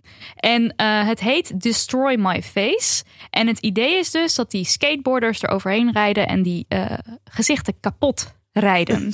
Ja. En, Sorry, ik lach maar Ja, wat de fuck inderdaad. Eerst denk je misschien nog, oké, het is kunst. Wacht even voordat ik mijn mening heb. Ja. Toch nog eventjes een beetje kijken en doen en lezen. Wat, wat gebeurt hier nou eigenlijk? Mhm. Ehm, nou, ik heb het dus ook even opgezocht. En dan gaat het dus blijkbaar over uh, de massa-fotocultuur waarin we leven. Dus dat het heel erg uh, insta-perfect allemaal is geworden. En uh, dat de individuele online propaganda vaak offline wordt doorgevoerd. En dat in dit kader cosmetische chirurgie heel gewoon is geworden en algemeen geaccepteerd. Maar, ik quote het, hè, hierin schuilt ook het gevaar dat er een overvloed aan operaties uitgevoerd worden die leiden tot misvorming en de persoon veranderen in een monster. Oh. Nou, en wat dus deze Erik Kessels gedaan heeft, deze kunstenaar, is, uh, ik geloof met een soort algoritme allerlei gezichten verzamelen waar uh, cosmetische chirurgie uh, op is toegepast, kan je dat zo zeggen? en daar zijn dus deze beelden uitgekomen. Het zijn dus niet bestaande vrouwen. Het is een samenvoegsel oh, van heel veel verschillende foto's. En hij reageert er ook op van ja, maar het is niet, het is niet vrouwenhaat, want het zijn allerlei verschillende foto's. Er zaten ook foto's van mannen bij. Dit is nou eenmaal wat er uitgekomen is. Wat ik hier zie is wel vrouwenhaat. Ja. Want wat je doet is gezichten van vrouwen bewust kapot laten rijden door jonge skateboarders. Dat ja, en is niet oké. En ze monsters noemen. Ja, nou dat ook nog inderdaad. Ja. Dus, dus uh, alle, alle vooroordelen over cosmetische chirurgie. Iedereen moet lekker doen waar hij zelf zin in heeft. Dat was we altijd pleiten. Daar valt mhm. plastische chirurgie ook absoluut onder. Um, ja, het is walgelijk om te zien. En dan heb je ook op zijn Instagram heeft hij dus die foto's. En dan heeft hij zo even lekkere close-upjes van hoe die gezichten als we lekker kapot gereden zijn. Zie je dus allemaal van die strepen over die gezichten uh, lopen. Ja, het is inderdaad verschrikkelijk. Maar er is dus wel al van alles gaande. Dus mensen spreken zich uit. En ook nu, toen ik dit voor het eerst zag, was er nog niet zo heel veel op gereageerd. En nu zie je gewoon heel veel reacties mm. met Another privileged middle-aged male artist promoting violence against women among teenage boys. Mm. dus dit soort heel veel reacties van dit is niet oké. Ja, ik snap ook hoe kom je erop om maar wat is je doel ook? Je wil awareness blijkbaar voor, voor te veel ja, aan plastische gewoon, chirurgie. Ja, je, haat, je haat vrouwen die, die, die, ja, die eigen keuzes doen. maken over hun lichaam. Ja, kijk, want ik snap dat je een concern mag hebben over het gemak waar soms jonge vrouwen mee um, geconfronteerd worden en, en die keuzes maken alsof dat een enige keuze is, zeg maar. Als je onzeker bent, dan chirurgie. ik snap dat je daar concern over kan zijn. Ja, maar dat je over filosoferen. Maar... Ja, precies. precies. Maar, maar niet op deze manier. is dat het dus altijd dus bij de vrouw wordt neergelegd. Want als jij dit een probleem vindt, ga dan lekker die bedrijven aanspreken. En niet de vrouwen die ervoor kiezen om mee te gaan in een cultuur waar, waarbij je beloond wordt om dit soort dingen te doen. Want er worden aan alle kanten wordt ons verteld van je moet jong zijn en je moet een gladde huid hebben en je moet ja, nou ja, als je daar dan dus in meegaat. Precies. Ja. En, het is niet de vrouwen kapot maken letterlijk. Doe dan even lekker wat bedrijvenlogo's. En dat mag je kapot rijden met je skateboardje. Mm. Nou, ga inderdaad die bedrijven shamen en niet die vrouwen. Nou, dat was mijn Wat heftig. Echt. Ik vind het ook heftig. Uh, oh ja, wat ik wou zeggen, er is dus wel van alles gaande. Er is een open brief die je kan tekenen. Ik neem aan dat dus, dat is, als je, op het moment dat je dit luistert, dat het dus eigenlijk, ja, dan is, er vast van alles gebeurd. Het is in Nederland, ja. het is in Breda. Daar heb je skate Pier 15, geloof ik. Pier 15 skatepark. En daar is het dus nu. Uh... Maar ook even, je hebt dus een heel skatepark waarvan jij de hele vloer mag, mag, mag bekunsten. Hoe vet. En dit is wat je doet. ja. ja. En waarschijnlijk denkt hij echt, ik creëer awareness. Ja, maar oh, ik doe echt iets heel vet. Ja, maar ik vind het ook, want dit is toch een vrij groot, bekend iemand. Of, ja. of ja, en eh, dan heb je toch ook een team. En dan heb je toch consultants. en maar vrouwen haat zit diep, hè? Ja, dus, dus de haat dus, tegen vrouwen die dus plastische chirurgie, die dus ervoor kiezen om dit, dat is heel, die zit heel diep. Het is meer dat ik even wil zeggen, ik sta er altijd weer van te kijken dat het dan toch weer gewoon er doorheen komt. Ja. ja. Dat niemand even zegt van, hé, hey, maar misschien hè, kapot rijden, vrouwengezichten. Oh, misschien moeten we dat niet doen. Of eventjes, eventjes langs een paar feministen. ja. Wij houden ons aanbevolen om al je uh, misogynie uh, kunstprojectjes langs ons te sturen, maar we zijn heel duur. Ja, en also die wiskundeboeken ook nog steeds. Oh ja, dat willen we ook doen, maar ook heel duur. Ook heel duur. Een Marilotte, een yes. Marilotte wil graag opgehaald worden uit de ballenbak. Nee, grapje dienstmededeling uit de toekomst. Ja, we zijn gewoon wederom ingehaald door de toekomst. Hallo, de toekomst hier aan de lijn. Uh, ja, want het kunstwerk uh, gaat sluiten. Goedjes de toekomst. Marilotte, een ja, yes. Een yes. Het is een beetje een yes waarvan je denkt, is het een yes? Uh, ik denk dat ik even een trigger warning moet doen, want het gaat over uh, seksueel geweld. Dus als je daar nu niks over wil horen, skip eventjes door. Uh, de yes is slachtoffers van seksueel geweld krijgen een eigen risicovergoed. Mm. Um, ik was eerlijk gezegd, eigenlijk was een beetje aan het lezen. Ik was een beetje verbaasd over dat het niet al zo is. Ja. Dat, want eigenlijk klinkt het van de zotte dat je dus iets traumatisch meemaakt en dan daarna ook nog alle, alle medische kosten moet betalen voor wat er om daar overheen. Maar goed, uh, om de drempel uh, te verlagen om dus uh, aan te kloppen als je uh, seksueel geweld hebt meegemaakt bij Centrum Seksueel Geweld. Mm -hmm. uh, hebben ze, heeft, heeft de overheid, de Rijksoverheid nu gezegd, we betalen, we vergoeden de, de kosten voor eventuele medische behandelingen of medische dingen die je moet ondergaan. Um, en dan moet dan wel binnen zeven dagen. Omdat uh, binnen zeven dagen is de kans het grootst dat een dader bijvoorbeeld nog gepakt wordt. Maar ook dat je zo min mogelijk met, uh, Trauma met trauma's ja. overblijven. Ja, dus ze kunnen maar, gewoon het best helpen binnen zeven dagen. Ja, dus Toen ik dat voor het eerst las, dacht ik echt van, hè, wow, maar, huh? maar ja, dus ze willen het mensen aansporen een goed hart ja. dat het die zeven dagen ja, heeft. Maar, ze willen mensen dus aansporen om snel uh, uh, naar voren te komen en mm. je uit te spreken. En er is natuurlijk, er zijn enorme drempels, want er is schaamte, mm -hmm. er zijn schuldgevoelens. In veel gevallen is het dus ook zo dat je echt moet opboksen tegen allerlei vooroordelen. Dat uh, je bijvoorbeeld niet geloofd wordt als je aangifte doet. Ja. Dat soort dingen. Dus er zijn zoveel drempels waardoor slachtoffers al geen, uh, geen uh, aangifte doen of niet naar voren komen. En het, of pas veel later uitspreken. Dus in die zin vind ik het wel echt een yes dat daarover nagedacht wordt. En dat ze denken: oké, okay, hoe kunnen we die drempel dan verlagen? Wat zijn de, de kutte dingen waar we iets aan kunnen doen? Ja. Nou, dit. Uh, dus dat is een yes. Het is wel wat meer no is. Nou ja, no. Het is tijdelijk. Dus ze gaan kijken of het inderdaad werkt. En zo ja, dan uh, gaan ze dat dan. Dus het is vanaf 1 september is het, is het begonnen. En ze doen het dus een jaar. En daarna worden de resultaten bekendgemaakt. En dan gaan ze verder bedenken wat ze doen. Maar ik vraag me af, is dit, was dit ooit een drempel voor vrouwen überhaupt? Want ah, ik wist dit niet. Bijvoorbeeld, nee, dat je dan die kosten zelf moest betalen. Ik denk, daar ga je toch een beetje vanuit. En is dat dan echt een drempel van, nou, de, als ik het zelf moet betalen, dan ga ik niet geen aangifte doen. Vraag ik me af, gewoon lopen. Ja, ik, ik denk dat dat niet. Geen idee. Ja, ik weet het ook niet, maar het lijkt me niet het eerste waar je aan denkt. Nee. De eerste dingen zijn schaamte, schuld. Is, hè? Kijk, stel je, ja, ja, stel je hebt echt geen cent te makken, dan is het misschien wel iets waar je aan denkt. Ja. Dat, als je het al als daar nul, nul geld is voor dit soort, ja, ja. Ik weet niet. Ik kan me best wel voor. Ik denk dat best wel veel mensen uh, vanwege hun eigen risico in het algemeen dan, hè? Dus met klachten rond blijven lopen. Ja, nee, dat, is waar. En uh, rondom dit waarschijnlijk ook wel. En het gaat over medische en psychologische kosten. Mm. Ik kan me ook voorstellen dat je denkt van oké, maar dat kost geld, dus dan doe ik toch even de tandjes op elkaar. Ja. Dat ja. Oh, dat is zo heftig. Ja. Ja, dat is heel heftig. Ja. Nou, dat dus. Soort sortiment van ja. Yes. Ja. Dit was aflevering 51. Arniek, heel veel dank. Ja, je Jullie ook. zo door naar de studio. Ja, ga lekker radio En daarna lekker op vakantie. Ja. Geniet ervan. Dankjewel. Bedankt uh, de allerleukste, liefste, knapste Daniel van Poppen. Uh, bedankt ook de allerleukste, liefste, knapste Lucas de Gier. En de allerleukste, liefste, knapste Lisbeth Smit. Jullie weten allemaal wel waarvoor bedankt. Uh, en bedankt aan de Dag en Nacht Media. Want wij zitten hier lekker op te nemen in de studio. Wat echt heerlijk is. En in, een, in een soort dummy-proof studio. Waarbij waar zelfs Marilotte en Lydia... Waar wij zelfs ons geluid kunnen opnemen.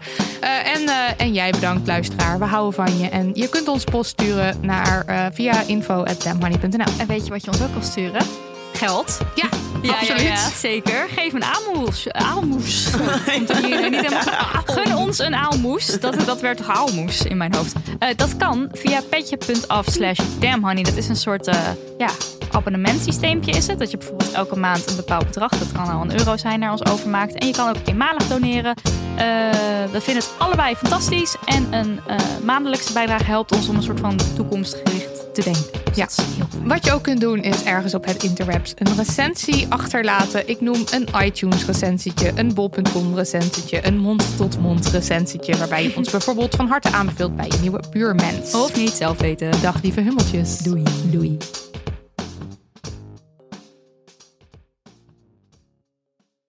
kussens, bedden, matrassen, beddengoed. Emma Sleep heeft het allemaal. Ga naar emma-sleep.nl om van jouw slaapkamer een slaapparadijs te maken. Er is nu moederdag gaande met kortingen die oplopen tot wel 50%. Gebruik de code DAMHONEY voor nog eens 10% korting daarbovenop.